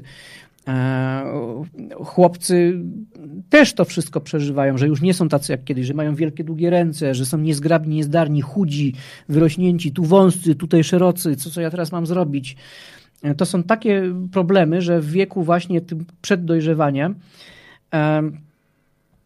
że te dzieci łatwo popadają w depresję, podkręcając siebie nawzajem. A ty taka jesteś, a ty cycków nie masz, tak? To jest stały punkt programu większości klas, tak? Że ty te, płaska jak deska, nie masz cycków, tak? A, a, on, a on nie ma włosów y, wokół fiuta na przykład, tak? I, i, I, dzieci sobie w ten sposób dokuczają i na gruncie swojej fizjonomii, jeżeli jest to dokuczanie, to taka osoba jest bardzo silnie y, narażona na odrzucenie i na pogłębiającą się depresję. Potem wraca do domu i jeżeli nie ma tych rozmów z rodzicami, nie ma tego ciepłego gniazdka, gdzie psychicznie można byłoby spocząć, posiedzieć bezpiecznie przy mamie, przy tacie, który by przytulił, tak? Bo dojrzewające dziecko, mimo że, że już chce mieć pewną autonomię, to potrzebuje wsparcia w tych krytycznych momentach, a nawet zwykłego przytulenia, ale na zasadach dziecka już w tym wieku. E, jeżeli tego nie będzie miało, no to zacznie słuchać sobie tej strasznej muzyki, zacznie sobie myśleć o dziarach, przeglądać patostreamerów, e, a z czasem różne inne rzeczy robić, łącznie z alkoholem czy, czy z papieroskami czy teraz z e-papierosami coraz częściej, tak? Bo to okay. taka moda. Dobrze. Teraz jeszcze te dwa etapy. Mhm. Mm. Po czym nauczyciel może poznać w szkole, że dziecku się zbliża depresja. Mhm. Zawsze robimy sobie taką pracę detektywa statystyka. Jeżeli dziecko ma w statystykach porządek i jest pewien, pewna kontynuacja zachowana, na przykład kontynuacja średniej z ocen, ocen z biologii, z WF-u czy z zachowania, to wszystko jest w porządku. A jeżeli u dziecka się pojawia dołek, to jest znak, że trzeba sprawdzić, czy to nie jest depresja. Jak to sprawdzamy? Wychowawca, pedagog szkolny, czy też psycholog, jeżeli jest. Porozmawiać z dzieckiem, czasami trzeba, z rodzicami tego dziecka posprawdzać, czy nie ma też innych objawów, bo czasami dzieci się opuszczają w nauce, gdy dojrzewają. Tak? Mhm. Ich mózg jest zajęty czymś innym niż, niż nauką bardziej. I wtedy im się nie chce tak bardzo uczyć jak y, kiedyś. I w taki sposób nauczyciel szybko może rozpoznać, że coś jest nie tak. Zmiana zachowania, zmiana obecności ucznia, na przykład jak przestaje chodzić, y, zaczyna częściej chorować, to może być przyczynek, żeby sprawdzić, czy jest, czy pojawiła się depresja. E, zmiana ubioru dziecka. Na przykład dziewczynki bywa, ja się spotkałem wielokrotnie z takimi sytuacjami, że dziewczynki w depresji zaczęły się ubierać bardziej wulgarnie, bardziej mm, ostentacyjnie, bardziej, żeby wyeksponować swoją kobiecość, bo jak się później okazało w wywiadzie, one w ten sposób prowokowały, żeby faceci, koledzy patrzyły na nie jak na mięso i żeby chciały je wiadomo co. I one to robią po to na przykład, żeby się samo ukarać, tak? bo one to robią przez, przez to, że się siebie nienawidzą, tak, tak, tak mówią. A tymczasem takie dziewczynki poubierane w ten sposób, tak, często to się łączy z głębokim makijażem, z dekoltem, z chodzeniem na solarium albo używaniem jakichś kremów, z odsłanianiem dekoltu, nóg, brzucha. Potem wracają do domu i z czym się spotykają? Z rodzicami, którzy mogą powiedzieć jej tak, jak ty się ubierasz, wyglądasz jak dziwka, przestań tak się ubierać. To jest antypomoc, to jest pogłębienie depresji, bo po pierwsze jest brak akceptacji, a po drugie tej dziewczynce właśnie o to chodzi, żeby wyglądać jak dziwka, bo ona właśnie w ten sposób swoją autoagresję buduje. A jeszcze do tego zbuntowała się rodzicom i odniosła w tym sukces. sukces. Mhm. Więc y, działanie rodziców jest toksyczne. W szkole pedagog czy psycholog czy wychowawca powinni śmiało i otwarcie z rodzicami osoby narażonej na depresję, osoby, co do której są podejrzenia o depresję, śmiało powinni tak z nią rozmawiać, bo inaczej to wszystko się nakręca, ta osoba prowokuje, jeżeli do tego dochodzi Asperger, to będzie tak jak z tą dziewczynką, gdzie się mm, ty, ty uzewnętrzniłeś u siebie, że inne dzieciaki ją znienawidzą, rodzice tych innych dzieci ją nienawidzą, nikt już nie pamięta za co, ale to wszystko się nakręciło, że trzeba walczyć, tak? Tak jak Kargul tam, tam zamiedzą. No. Oni nie wiedzą, po co walczą, ale walczą. walczą. Mhm. Okay. To się nakręca. No i wiek już takiego, do, jak już do, dojrzała fizycznie ta młodzież, no to przyczyny depresji są takie czy, czysto mm, społeczne. Rzuciła mnie dziewczyna, e, y, nikomu się nie podobam, bo jestem gruba, e, ojciec, y, ojciec odszedł od mamy, brat siedzi w więzieniu, matka chleje, no, no to taka osoba siebie nienawidzi, no, bo może to ona jest przyczyną takiego zachowania. No to w tym przypadku i, I w tym wcześniejszym to już nie tylko współpraca z rodzicami, ale jeżeli jest podejrzenie depresji, to należy doradzić rodzicom, a nawet samej młodzieży, żeby jak najszybciej się skonsultowali do, z psychiatrą. Prawdopodobnie, jeżeli y, rodzice jeszcze nie dali dziecka do psychiatry, to tylko szkoła ma szansę na to zauważyć, bo rodzice często wypierają. Co? Ona chora psychicznie, depresja? Nie, tam, gdzie tam. Nie widzą tego rodzice, tak? Więc Często jest tak, że to szkoła ma możliwość jako pierwsza zareagowania. Tak jest w wielu przy, przypadkach depresji y, wśród dzieci i młodzieży i powinni się skonsultować i z rodzicami, i zasugerować pójście do psychiatry, tak? Nie na własną rękę próbować temu zaradzić, chociaż zaraz powiem jak, mhm. ale skierować do psychiatry. I teraz, jeżeli jesteś nauczycielem i spotykasz się z dzieckiem w depresji, to powinny być w szkołach wyznaczone przez dyrekcję pewne standardy, procedury. One nie ma takich standardów ogólnopolskich, tak, mhm. przez ministerstwo narzucone, bo ministerstwo jest zajęte walką polityczną. Natomiast standardy może wprowadzić szkoła, dyrekcja. Na przykład odpuszczamy dziecku ciśnienie na oceny i na poprawę. E, najgorsze, co może zrobić nauczyciel, ale ty nie zdasz, musisz się nauczyć, jak się nie nauczysz, to nie zdasz, musisz do tego sprawdzianu podejść. Nie byłeś. No to konsekwencje, to dwuja będzie, to jesteś spadochroniarzem, to, to, to, to nie ma. Zachowania, obniżone zachowanie, bo osoby w depresji często gorzej się zachowują, są bardziej pyskate, są yy, bardziej skłonne do bijatyk, do wychodzenia ostentacyjnego z klasy i trzaskania drzwiami. Mm, takiej osobie, co do której jest podejrzenie chociażby, że, jest, że może to być depresja, od razu odpuszczamy, od razu, ze wszystkim. Z nauką, ze sprawdzianami i, i tak dalej. Bagatelizujemy tą perspektywę, że ona może zostać na drugi rok w tej samej klasie. To jest najmniejszy problem, tak? bo to jest walka o życie. Depresja jest chorobą śmiertelną. Okej, okay. bardzo Ci dziękuję, bo to myślę, że jakby w ogóle dużo jest gdzie podałeś informacji, które faktycznie jakby zarówno rodzicom pozwolą zwiększyć czujność, jak i nauczycielom pomogą reagować. Paulina zadaje inne pytanie trochę. Jak zachęcić dziesięciolatkę do nauki, jeśli nie idzie jej najlepiej w szkole, a jej pasją jest malowanie i ignoruje obowiązek szkolny? Nie chcę stosować kar i nagród, jestem przeciwna tej metodzie i nie wiem, jak do niej dotrzeć, aby nauka była przyjemna, a nie, przyjemna, a nie przerażającym obowiązkiem. I to zapytała Paulina. Paulina. Paulina, za mało danych, żeby ci odpowiedzieć na to pytanie. Bo e, co to znaczy problem z nauką? To znaczy, że nie ma czerwonego paska, czy to znaczy, że za chwilę, y, że, że zostaje na drugi rok w tej samej klasie? Jeżeli nie ma czerwonego paska, to niech idzie malować. Jeżeli to tylko tyle. Jeżeli jedzie na dwójach i trójach, to niech idzie malować. A dlaczego? Bo chce bo to jest niegroźne, bo to nie jest zachcianka typu chcę zapalić papierosa, która jest szkodliwa dla dziecka, albo chcę kłada, który go zabije za dwa tygodnie, tylko to jest y, chęć realizowania własnych pasji.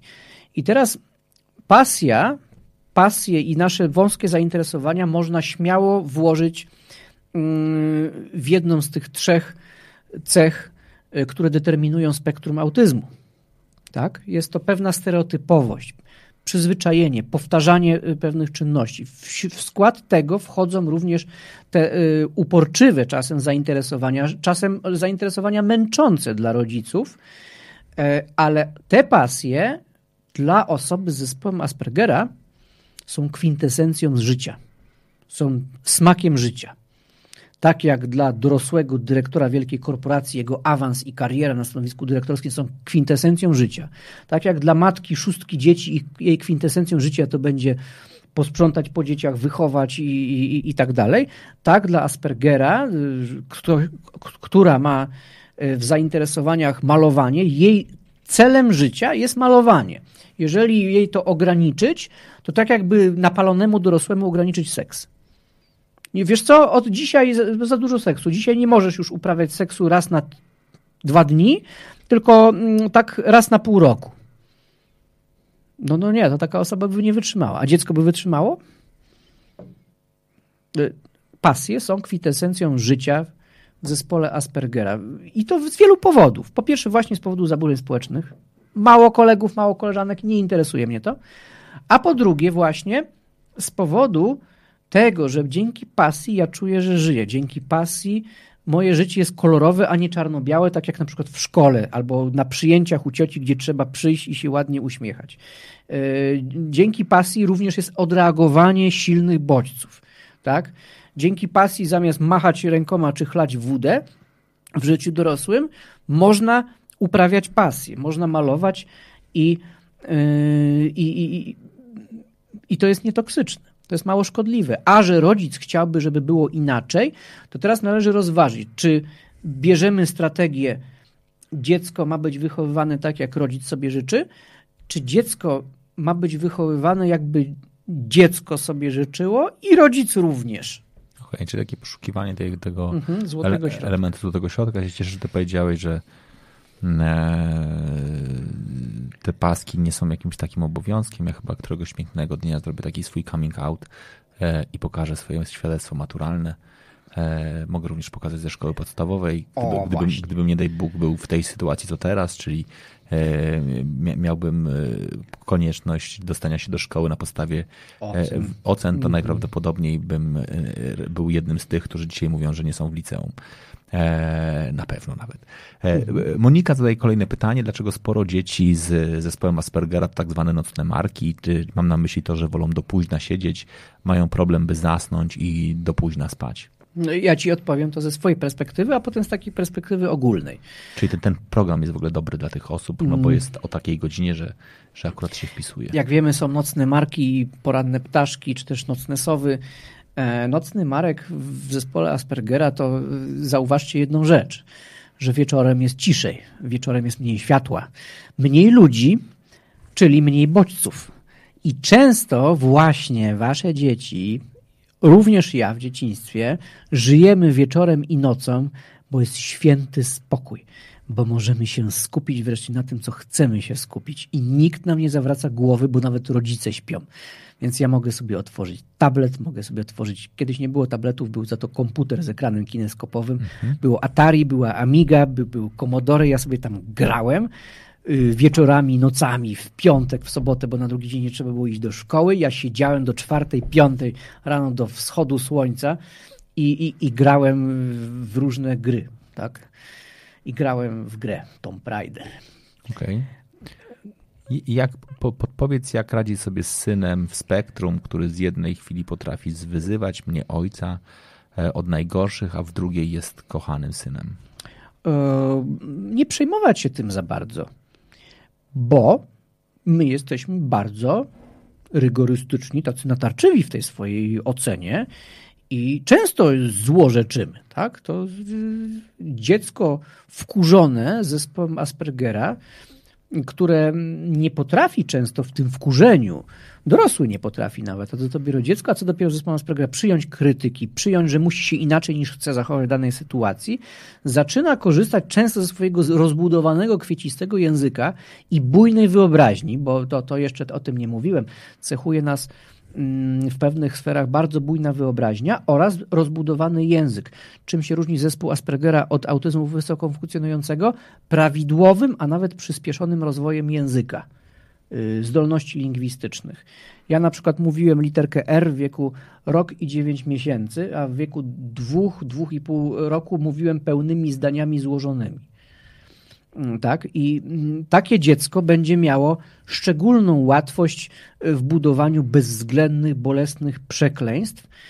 Mm, ja już mówiłem w jednym ze swoich filmików, jak sobie można z tym radzić. Podam to na przykładzie mojego Piotrka, który w wieku e, czterech lat, gdy go wsadziłem do łóżeczka nie o takiej porze, jaką, jakiej on by chciał, bo już późno było, on powiedział mi, nie, nie lubię taty, nie kocham cię. I, I powiedział mi coś tak bardzo bolesnego, jak na czterolatka, skierowane do ojca. E, I wtedy nastąpił taki przełom w moim traktowaniu pyskówki ze strony dzieci. Ja na niego spojrzałem i, i, i powiedziałem mu y, coś, coś, pochwalę się, jest, może być wzorem do naśladowania. Powiedziałem mi tak, Piotrusiu, a ja cię będę zawsze kochał. Nawet teraz, w tym momencie, Cię bardzo kocham. I on zrobił takie oczy i zmrużył się. Tak, tak? Naprawdę? Tak, oczywiście, że tak. Bardzo Ci będę kochał. I to był dla niego szok. Ogromny szok. On się poczuł bezpiecznie. On się poczuł, że ja na niego zwróciłem uwagę. On dostał odpowiedź tak pozytywną, ale się w ogóle jej nie spodziewał. I od tej pory łagodzę konflikt z moimi synkami. Nie w taki sposób, nie wolno do taty tak mówić, żeby to mi było ostatni raz. Tylko mówię, słuchaj, ja cię zawsze będę kochać i wiem, że mówisz tak dlatego, że jest ci po prostu jesteś bardzo wkurzony. I wiem, że za pięć minut ci przejdzie. I to wystarczy. I to jest moim zdaniem przepiękna puenta na to, żebyśmy zbliżyli się do końca e, tej audycji, bo pomimo tego, że można wierzyć w to, że jesteśmy e, e, nocnymi markami i że możemy sobie długo rozmawiać, jednakże chci, chciałbym tutaj też zadbać o to, żeby ta e, audycja była jednakże słuchalna. Znaczy, żeby też również pozostałe osoby, które w przyszłości będą ją słuchały już niedługo e, na podcaście, miały okazję przebrnąć przez nią całą. Jeżeli doszliście do tego momentu, to ja Wam bardzo serdecznie dziękuję, żebyście zarówno z nami na żywo podczas dzisiejszej audycji, żebyście bardzo aktywni. Przepraszam też, że nie, nie, nie ruszyliśmy wszystkich komentarzy, ale dużo Waszych komentarzy to nawet nie były pytania, to były po prostu podzielenie się swoimi opiniami i doświadczeniami, więc bardzo Wam za to wszystko serdecznie dziękuję. Chciałbym jeszcze dodać jedno zdanie. Dawaj. Powiedziałem, napisałem y, o tobie, że jesteś osobą, która ma jedną rzecz charakterystyczną dla spektrum. Otóż zamieszczasz na swoim profilu bardzo dużo kawałów, gagów, memów, z których się bardzo śmiejesz z dosłowności ich znaczenia. To jest takie typowo aspergerowe poczucie humoru. Naprawdę? Mhm. A czy ja w ogóle myślę sobie tak zupełnie poważnie, jak e, teraz Ryba po- piła. e, jak, jak e, ja uwielbiam takie historie. Faktycznie, No. abs- absolutnie uwielbiam takie historie. E, jak tutaj w ogóle po- pokazałeś, tutaj w ogóle pokazałeś mi bardzo e, e, ważną rzecz, którą powiedziałeś, a mianowicie, że e, spektrum autyzmu może być bardzo szerokie. Mhm. I to jest w ogóle tak ładne dla mnie w ogóle jakby określenie, które pokazuje jakby, że to kontinuum jest naprawdę ciągłe i że ono faktycznie Mhm. może e, gdzieś pokazywać, więc bardzo, bardzo Ci serdecznie za to dziękuję. E, Dużo osób pisze, że super audycja. Bardzo, bardzo Wam dziękuję za to, że byliście, do- dotarliście do tego momentu razem z nami. Tobie dziękuję bardzo mocno, e, Krzysztof, za to, że, że dojechałeś, bo to bardzo mocno też zmienia moją perspektywę całej tej rzeczy. Ja oczywiście serdecznie Wam dziękuję z- Dziękuję Ci Wojtku również. za udział e, i do usłyszenia w kolejnym e, odcinku. Do zobaczenia.